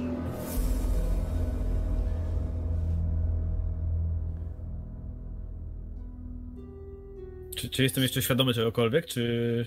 Oj, sorry. Nie, nie jesteś. Ej, Nie jesteś. Przepraszam, e, pani, że tak bezpośrednio. Oj, co mi się tu stało teraz? No to płyniemy z prądem, no. Tak. Płyniemy z prądem. Jak chyba żaden nie może żyć. Bo... Czekajcie, bo ja trochę. Jakieś resztki, jakiś szkielet, czaszka przy pasie przyczepiona, z kręgosłupa wyrastają faktycznie kolcze, takie wyrostki. Ona jest zgarbiona, a i tak jakby góruje nad tobą, gdzie ty jesteś przecież wielki facet. Długie, wyciągnięte łapy, mocno trzymają Nie, się bo jak słyszę, jak udawałem za nogę. Babę wodną. ciągnie. Natomiast w drugiej trzyma i teraz... Też się dobrze bawiłem, zupełnie szczerze. chłopca. Chłopiec jest nieprzytomny. Ciągnie cię i mówi, piękny panie. I prowadzi. Gdzieś z boku dostrzegasz jeszcze jakiś chłopak. Widzisz, że towarzyszą jej utopcy. Dostrzegłeś dwa i tam dwa, ale trzymają się z daleka. Znowu zaczynasz odpływać, nie dlatego, że coś cię dusi, tylko po prostu to trwa. Nie bardzo jesteś w stanie nawet w jakiś sposób zareagować. Ale Jakby y, Dijkstra nie wykończył Talara, to Talar by wykończył Dijkstrę. To w ten sposób. Ktoś musiał Kiedy paść. znowu świadomość gdzieś nie, trudno ci ci do niewielkiej chaty, jakby na środku moczarów. Nie wiem. Sytuację, w której ona po prostu bierze cię za bety, jak lalkę szmacianą, Ty! której ona Jetfire!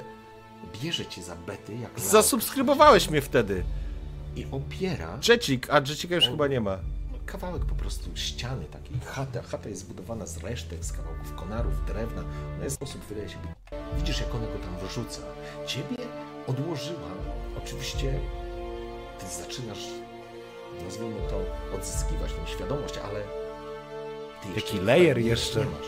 Oczywiście nie, nie mówisz, haha. Byłem wtedy bardzo dumny z tego layera. Korzyść. Tak, Oczywiście. rozumiem, że jestem, e, że jestem po prostu, no, no wpadłem, mówiąc krótko, cały czas nieświadomy. Zaobserwować. Tak, twoja przyszła pani, może partnerka życiowa. Zaraz ci ją dokładnie opiszę. Jetfire, dziękuję ci pięknie za suba, jesteś pierwszym subskrybentem. I Ej! Zdrowie. Ale No, temat! gratulujemy. Ale temat, kurde! Słuchajcie, 14 września 2019 uzyskałem pierwszego suba, Jecik, Awe, ale jaja. Eee... Jesteś na środku moczarów. Nie widzisz żadnego punktu orientacyjnego, który. Wesele, że będziesz jej mężczyzną, królem moczar. Opowiada, jest. Wygląda. Nie wiem, czy to dobra nazwa, ale wygląda radośnie. Ale wtedy miałem Jest obrzydliwa. używanie na Jeżeli drwalu. Ojejku, Potrafisz strasznie. sobie coś wyobrazić, co jest dla ciebie obrzydliwe, odrzucające, to ona jest o stokroć Drwal wtedy jeszcze piwa nie pił, Widzisz, tylko coś Czy jakieś pijawki zwicają. Skóra jest zniszczona, stara, ale tak bardzo humanoidalna jest to postać, ale wykrzywiona, zgarbiona, potężne ramiona, potężne łapy, wyciągnięte, długie jak małpie, ze szponami, ale widać jakieś ozdoby z kości, ale ozdoby na czachę, na, na czaszkę, więc odkrzy- widać ją wy- wyraźnie, jakby zniszczone, oczywiście cała skóra, wieniem, zgnilizny. Ona będzie go lizać teraz jakoś, nie? Język, który się oblizuje, patrząc na ciebie. Będziesz moim królem moczarów. Odchodzi za winkiel, zostawiając cię jakby na chwilę, nie będąc świadoma, Ale ona uratuje go przed utopcem. że zaczynasz być przytomny. Widzisz wokół ciebie, dostrzegasz, tu chyba jest głębiej z jednej i z drugiej strony. Chciałem wcześniej, że zamykałem oczy, przepraszam, nie za... Że czas na... Jak ona to nazywa, żebyś, żeby mnie nie przekręcił. Ale miał używanie. Że czas na złote gody. Że... Zobaczcie na drwala Ona, ona jest biednego. zakochana w tobie, Donimirze. Takie odnosisz wrażenie. Przynajmniej tak się zachowuje. Ja wiem, że to brzmi groteskowo, ja wiem, że to brzmi dziwnie, obrzydliwie. Ja wtedy jeszcze strasznie. używałem muzyki ze Spotify'a, Naprawdę masz wrażenie z dużym wyczuciem. I Jakby próbą Który- sprawdza, czy jest ok. Kiedy który po prostu się wyciszał. Podły utopiec nic ci nie zrobił. Odstawia cię i wchodzi do tego swojego leża. To leże to jest tak naprawdę, tak jak powiedziałem... murlok, murlok, jest duży chata. Za- Dobra, e, dobra, koniec już tej baby wodnej. Co wrzucamy dalej? Brr, brr. Tam była, poczekajcie, jakieś, jakieś ujęcie dziwne jest. E, co wrzucamy dalej? E, jaką scenę? E, kurde, bo, ale wtedy miałem taki biedny tego trwala mi, Boże, ona go przecież lizała. Ona rozerwała na strzępy jakiegoś tego. E, kurde, przecież tego, tego, tego. Mm, utopca biednego. Co wrzucamy jeszcze teraz? Eee, płacząca rzepicha miała być. Eee, no nie, jeszcze mój ten. Trzymaj się, trzymaj się, Fresiu. Eee, jak coś, będę oglądać i czekać na scenę z, e, z pasztecikami. E, dobra, to wrzucamy śmierć Mikołaja. Paszteciki. Dobra, e, wiecie co? Pamiętam śmierć Mikołaja. Włączę. Cudownie. Nieoczekiwany gość i zbir. O, to tu będzie gdzieś. A, I dwie rundy na naciągnięcie samo. A, tu już mam, kurde. Sprawdziliśmy, jak filtr Super. kabinowy Filtron Protect Plus Świetnie. chroni przed alergenami. Więc e, jak jest dużym celem, Pewnie jest pełno kamieni z gruzu i tak dalej. dobiegając do bestii. Dolora i Nie widziałem. A, nic. Sprawdziliśmy, jak filtr kabinowy Filtron Protect Plus chroni Filtron przed... Protect ale- Plus. To jest zakłopotanie, tak? Że, że takie... Postarajcie się opisywać, a Skrajne nie emocje. mówić, co się dzieje. Postarajcie się raczej to pokazać, a nie opisywać, jeżeli możecie. Mhm. Eee, Nie, ja, ja po prostu klepię, klepię go po ramieniu i mhm. tak to bywa na wojnie. Słuchajcie, Znaczy mnie jakbyście jest skrajne takie. mieli na Discordzie wrzucić mi po prostu timestamp, to byłoby mi łatwiej po prostu znaleźć to, wiecie? Jakbyśmy mogli tak się umówić. to Emocje. już- Także ja go tak po prostu po żołniersku, no widziałam nie jedną, nie dwie, nie dziesięć śmierci, to po prostu... A, to jest Mhm. ta scena. Tak to bywa na, na wojnie. To się A- znaczy jakby koniec gdzieś tam e, Tak, tego. Bo jest ja chciałem w zasadzie z takim entuzjazmem, tak już bardziej do, do podsumowania tego tak się W porządku. E, Mhm. Sprawa jest zakończona. Donimir stoisz e, z wbitym włócznią, mniej więcej gdzieś tam na wysokości jakiegoś tam splotu Ja tak podchodzę i. Siema Łukasz, cześć. No Nimir, ale żeś tam tańcował jak jakaś panienka na balu. E, Ale twoi ludzie kogoś nieśli. Co, co tu się stało? Patrzę na, na moich towarzyszy. Taki po prostu widać, że no raczej już taki trochę obojętny na twarzy. Bo ja tak z takiego entuzjazmu, w takiego, co tu się stało. nie, tak bo to myślałem, już że że było ten. to. Nie wiem co tu się stało, ale musimy uszotnąć ten burdel. E, Komuś stała się krzywda? Widziałem jak kogoś nieśli. Tak, młody adiutant. Szczerze O. mówiąc, wątpię, żeby z tego wyszedł. O, cholera jasna. Mm, Nie widziałem. A, nic.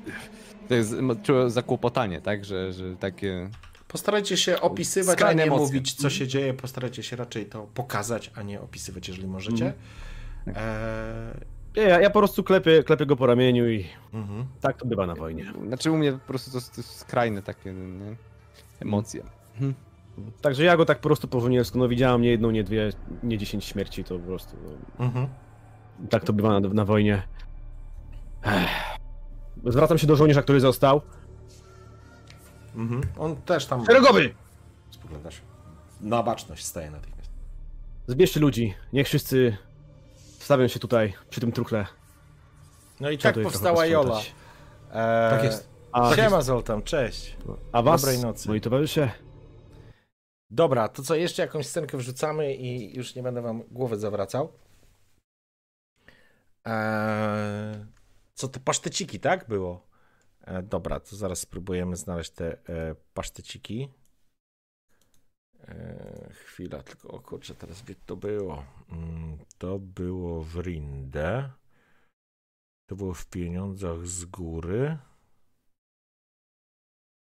Czy zapach bzu i agrestu? Nie pamiętam. Nie, w pieniądzach z góry chyba się zakończyło. Tak, w pieniądzach z góry to było. Dziękuję Cię informacjami na temat niektórych Twoich działań, które nie. Dobra, dobra. I. Odkryj wyjątkową czekole- czekoladę. Droga do? Rinde. Egon de Navarrete. Tu było. To, to tu było. Waszego przyjaciela. Czekajcie, to wam włączę. Sprawdziliśmy. Filtron! jak filtr Yeah! Filtron Sponsora Protect dzisiejszego jest chroni przed Filtron. alergen... Dobra. Ściskam mu rękę i... Oczywiście. Jesteście moimi gośćmi. Cieszę się, że dobiliśmy targu. Obawiam się, że Sheridan i jego rodzina nie mają zbyt dużo czasu, albowiem Godric von Rochenau, rycerz, Siema Maćko, wstrzymaj który się. służy popielnikom, będzie wyprowadzał ich do te? jednego wielkiego getta, które jest... On stąd przepadnie na... pozwolę sobie zapytać, czy to jest Mam się na, myśli. Zanark. Może, czas na mnie. goście realizował za dwabne, obłękitne, z taką złotą, ładną nicią wyszywane. Podaje. Na... Kiedy będziecie panowie... Moli tam, Udaje, oczywiście. że się zamyśla. Już za półtora dnia będzie opuszczał Jakich filtrów? cele w Darkenborgu. W Drakenborgu. Aha, no ja. Przepraszam, okej. e, Mhm. Kiedy on tylko odszedł, natychmiast pojawili się służący i zaczęli znosić główne lampy. Aha. Bo, bo ja to tak e, w międzyczasie, jak on odchodził, zauważyłem jedną świecę. I ona w ogóle te świece też były zajebiste. I jak tak powąchałem, to ona pachnie. No jakoś tak jak owoc. Więc ja tak wziąłem, ułamałem kawałek tej świecy. No jest kurwa, oni to jakieś świece jadalne robią? I kawałek tego wosku użyłem sobie do gęby, ten taki zaschnięty i pogryzłem. Mhm. Tak, jest to wosk. Z pewnością wosk z jakimś barwnikiem i z jakimś aromatem zapachowym. Gra o Co, dobre Grunaldi? Kurwa, nie wiem, w sumie powiem ci. Podaję mu wodę do mycia rąk. Weź popij.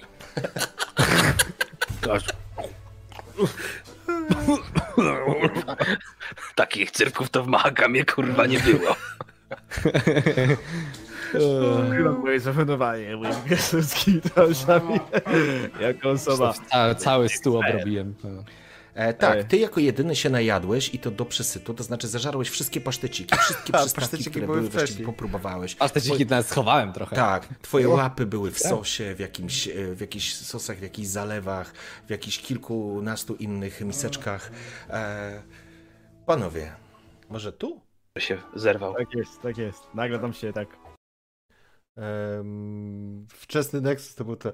Wiecie, na terminę stryjesz, na Lejkoniku prowadzę w sobotę, już nie mogę się doczekać. Spoko.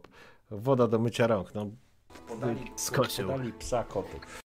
Sprawdziliśmy, Filtron! jak filtr kabinowy Filtron Kurde, Protect prostu- Plus chroni przed alergią. Dobrze. E, ale przykułeś jego uwagę i natychmiast, i natychmiast e, Gdzie były te pasztety? Egon de Navarrete spogląda się z zaciekawieniem i uśmiecha. Panie, panie de Navarrete, kolega z wyższych sfer, ale jeżeli o handel chodzi i wymianę informacji, to nie jest.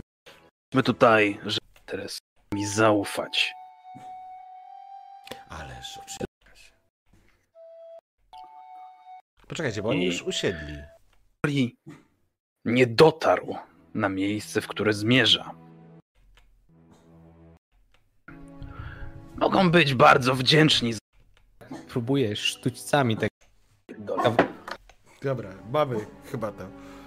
W międzyczasie ja Ale wziąłem słodkie, ja pierdolę. Kawałek, kawałek kurczaka i jak tego kawałek kurczaka tak próbuję sztućcami tak kurwa się z nim wiesz tak gdzieś coś tam nabijam. Myślę, że po prostu aż wbijasz nóż w, ten, e, w tego kurczaka. Aż, ko- aż ko- nie, wiesz co, puszczam to wszystko i po prostu biorę w łapę i zaczynam wpieprzać po prostu.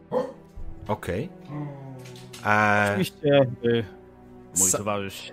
Pasztet nie na wspomniał, wynos, to że było wcześniej w takim Może razie. wyglądamy na kupców Jęzor staje dęba. O, tutaj coś było. do rzeczy. Po- Podnoszę ten ten i tak próbując udawać, że ten włożyłem palucha do środka. Nie, pasztet był jeszcze wcześniej, widzę, że Ja jest w ogóle? jakiś, że jest jakiś komentarz. Słyszałem, że znasz Co w ogóle jest rzadkością, żeby ktoś miał tak zdrowe zęby. Cięty. Sany oczywiście jakimiś złotymi, ale pod to ma maską. Rozumiem, że dosiadacie się do, do szatach. Swoją, nikt nigdy cię nie obsługiwał, Mhm. e, ale ktoś przychodzi, widzisz, że e, natychmiast przynoszą misy z Co wodą. jest? E, jakieś ciepłe ręczniki z jednej, z drugiej Nie, on strony. je Nagle później schował, ale żeby- zasypani. żeby żarty paszteciki. Jaką żrę te paszteciki? Jaki będzie zdrowy? Egon po prostu przygląda się i czeka, tak jakby to było zupełnie coś naturalnego. Ja się rozsiadam, więc po prostu również zachowuję się, jakby to było dla mnie wszystko normalne. Tak? Bawi, zakłopotanie. Przepraszam, ja handlowałem z różnymi. Tam jest pasztecik taki, który Macie wygląda pasztecik, jest tak, widzę na pasztecik. stole. Miseczka, ja handlowałem z różnymi ludźmi. Ja, ja jestem w ogóle w szoku i widzę na stole Miseczka pasztecik. Tam jest pasztecik taki, który wygląda tak pysznie, ale boję się po niego zerknąć, bo sięgnąć, Jak bo to taki, wiesz, takie... Jak odżre ten pasztecik. E, Panowie, czy najpierw zechcecie coś zjeść, a dopiero później przejdziemy do interesów? Czy od razu przechodzimy do rzeczy? Wiem, że wy na północy lubicie szybko przechodzić do tematu. Nie zawsze jest to zaletą, ale jesteście mymi gośćmi, więc słucham. Cała ta scena wymyślona jest wokół Egona de że żyjemy kiedy znajdzie się czas. W życiu bym jej nie zaplanował, nie? Przekąsimy po drodze. Gdyby tak nie inaczej. ten... Drogi. Ramacje. O, kupia mi na Nexosa, coś będzie się działo. Słyszałem, że W międzyczasie tak wy... miejsce pobytu Jak widać, jego się czyta jak otwartą księgę. jednego. Nieśmia... Nieśmiało podnoszę rękę i w międzyczasie tak wyciągamy potem pasztecik. Ja go tak połapię. Poczekaj. Dostrze- dostrzegacie to, dos- dostrzegasz to i e, Denawaret na pewno też to dostrzega, ale udaje, że tego nie widzi. Jest pochłonięty rozmową z tobą. E, A ty już Czy nam prawie wina w go ogóle? Pytanie, czy nalano nam wina? Proszę? Nalano nam wina już, czy jeszcze nie? Tak, oczywiście. To Przepraszam, oczywiście nalano wam, nalano wam wina. E, obs- Tylko to czekał, nie? jesteście obs- obsłużeni. Siema, tak- Michał. Kompletnie. Popijam, popijam to wino. Jeszcze raz. Ale pies szczeka. Moli, jak zwykle. Firskie. Dawno takiego nie piłem. Ale do rzeczy. Po- Podnoszę ten, ten i tak próbując udawać, że ten włożyłem palucha do środka. Próbuję mnie tak udawać takie... Słodkie, straszliwie Oj. słodkie, aż, kre, aż jęzor staje dęba. Oj. Daj- A co się Ja to po prostu wydziwiam, takie kurwa duże rzeczy po prostu robię. Moi towarzysze nie przywykli do takich wygód. Tak czy inaczej. Nie, to był dobry, to była dobra scena. No i dobra. Eee, szanowni, jeszcze coś wrzucamy, czy idziemy spać? Macie jeszcze jakąś scenkę, którą można byłoby przypomnieć sobie, ale wtedy faktycznie było zabawnie. To znaczy, Nexus genialnie odegrał Grunaldiego. Genialnie po prostu odegrał Grunaldiego wtedy na tej scenie. Zajebiście. Zajebiście. Dobra. E, słuchajcie, także myślę, że. Ojejku, to muszę wyłączyć. To. O. Słuchajcie, e, myślę, że sporo rzeczy dzisiaj omówiliśmy, jeżeli chodzi o, e, o Wieśka. E, I. I moment. E, co? E. E, I mamy, mamy, słuchajcie, mamy naprawdę. Myślę, że sporo rzeczy udało się wyjaśnić, było tych pytań całkiem sporo. Nie, zas, nie, nie zakładałem, że aż mm, tyle osób będzie chciało się podopytywać parę rzeczy i to było niezwykle miłe i fajne.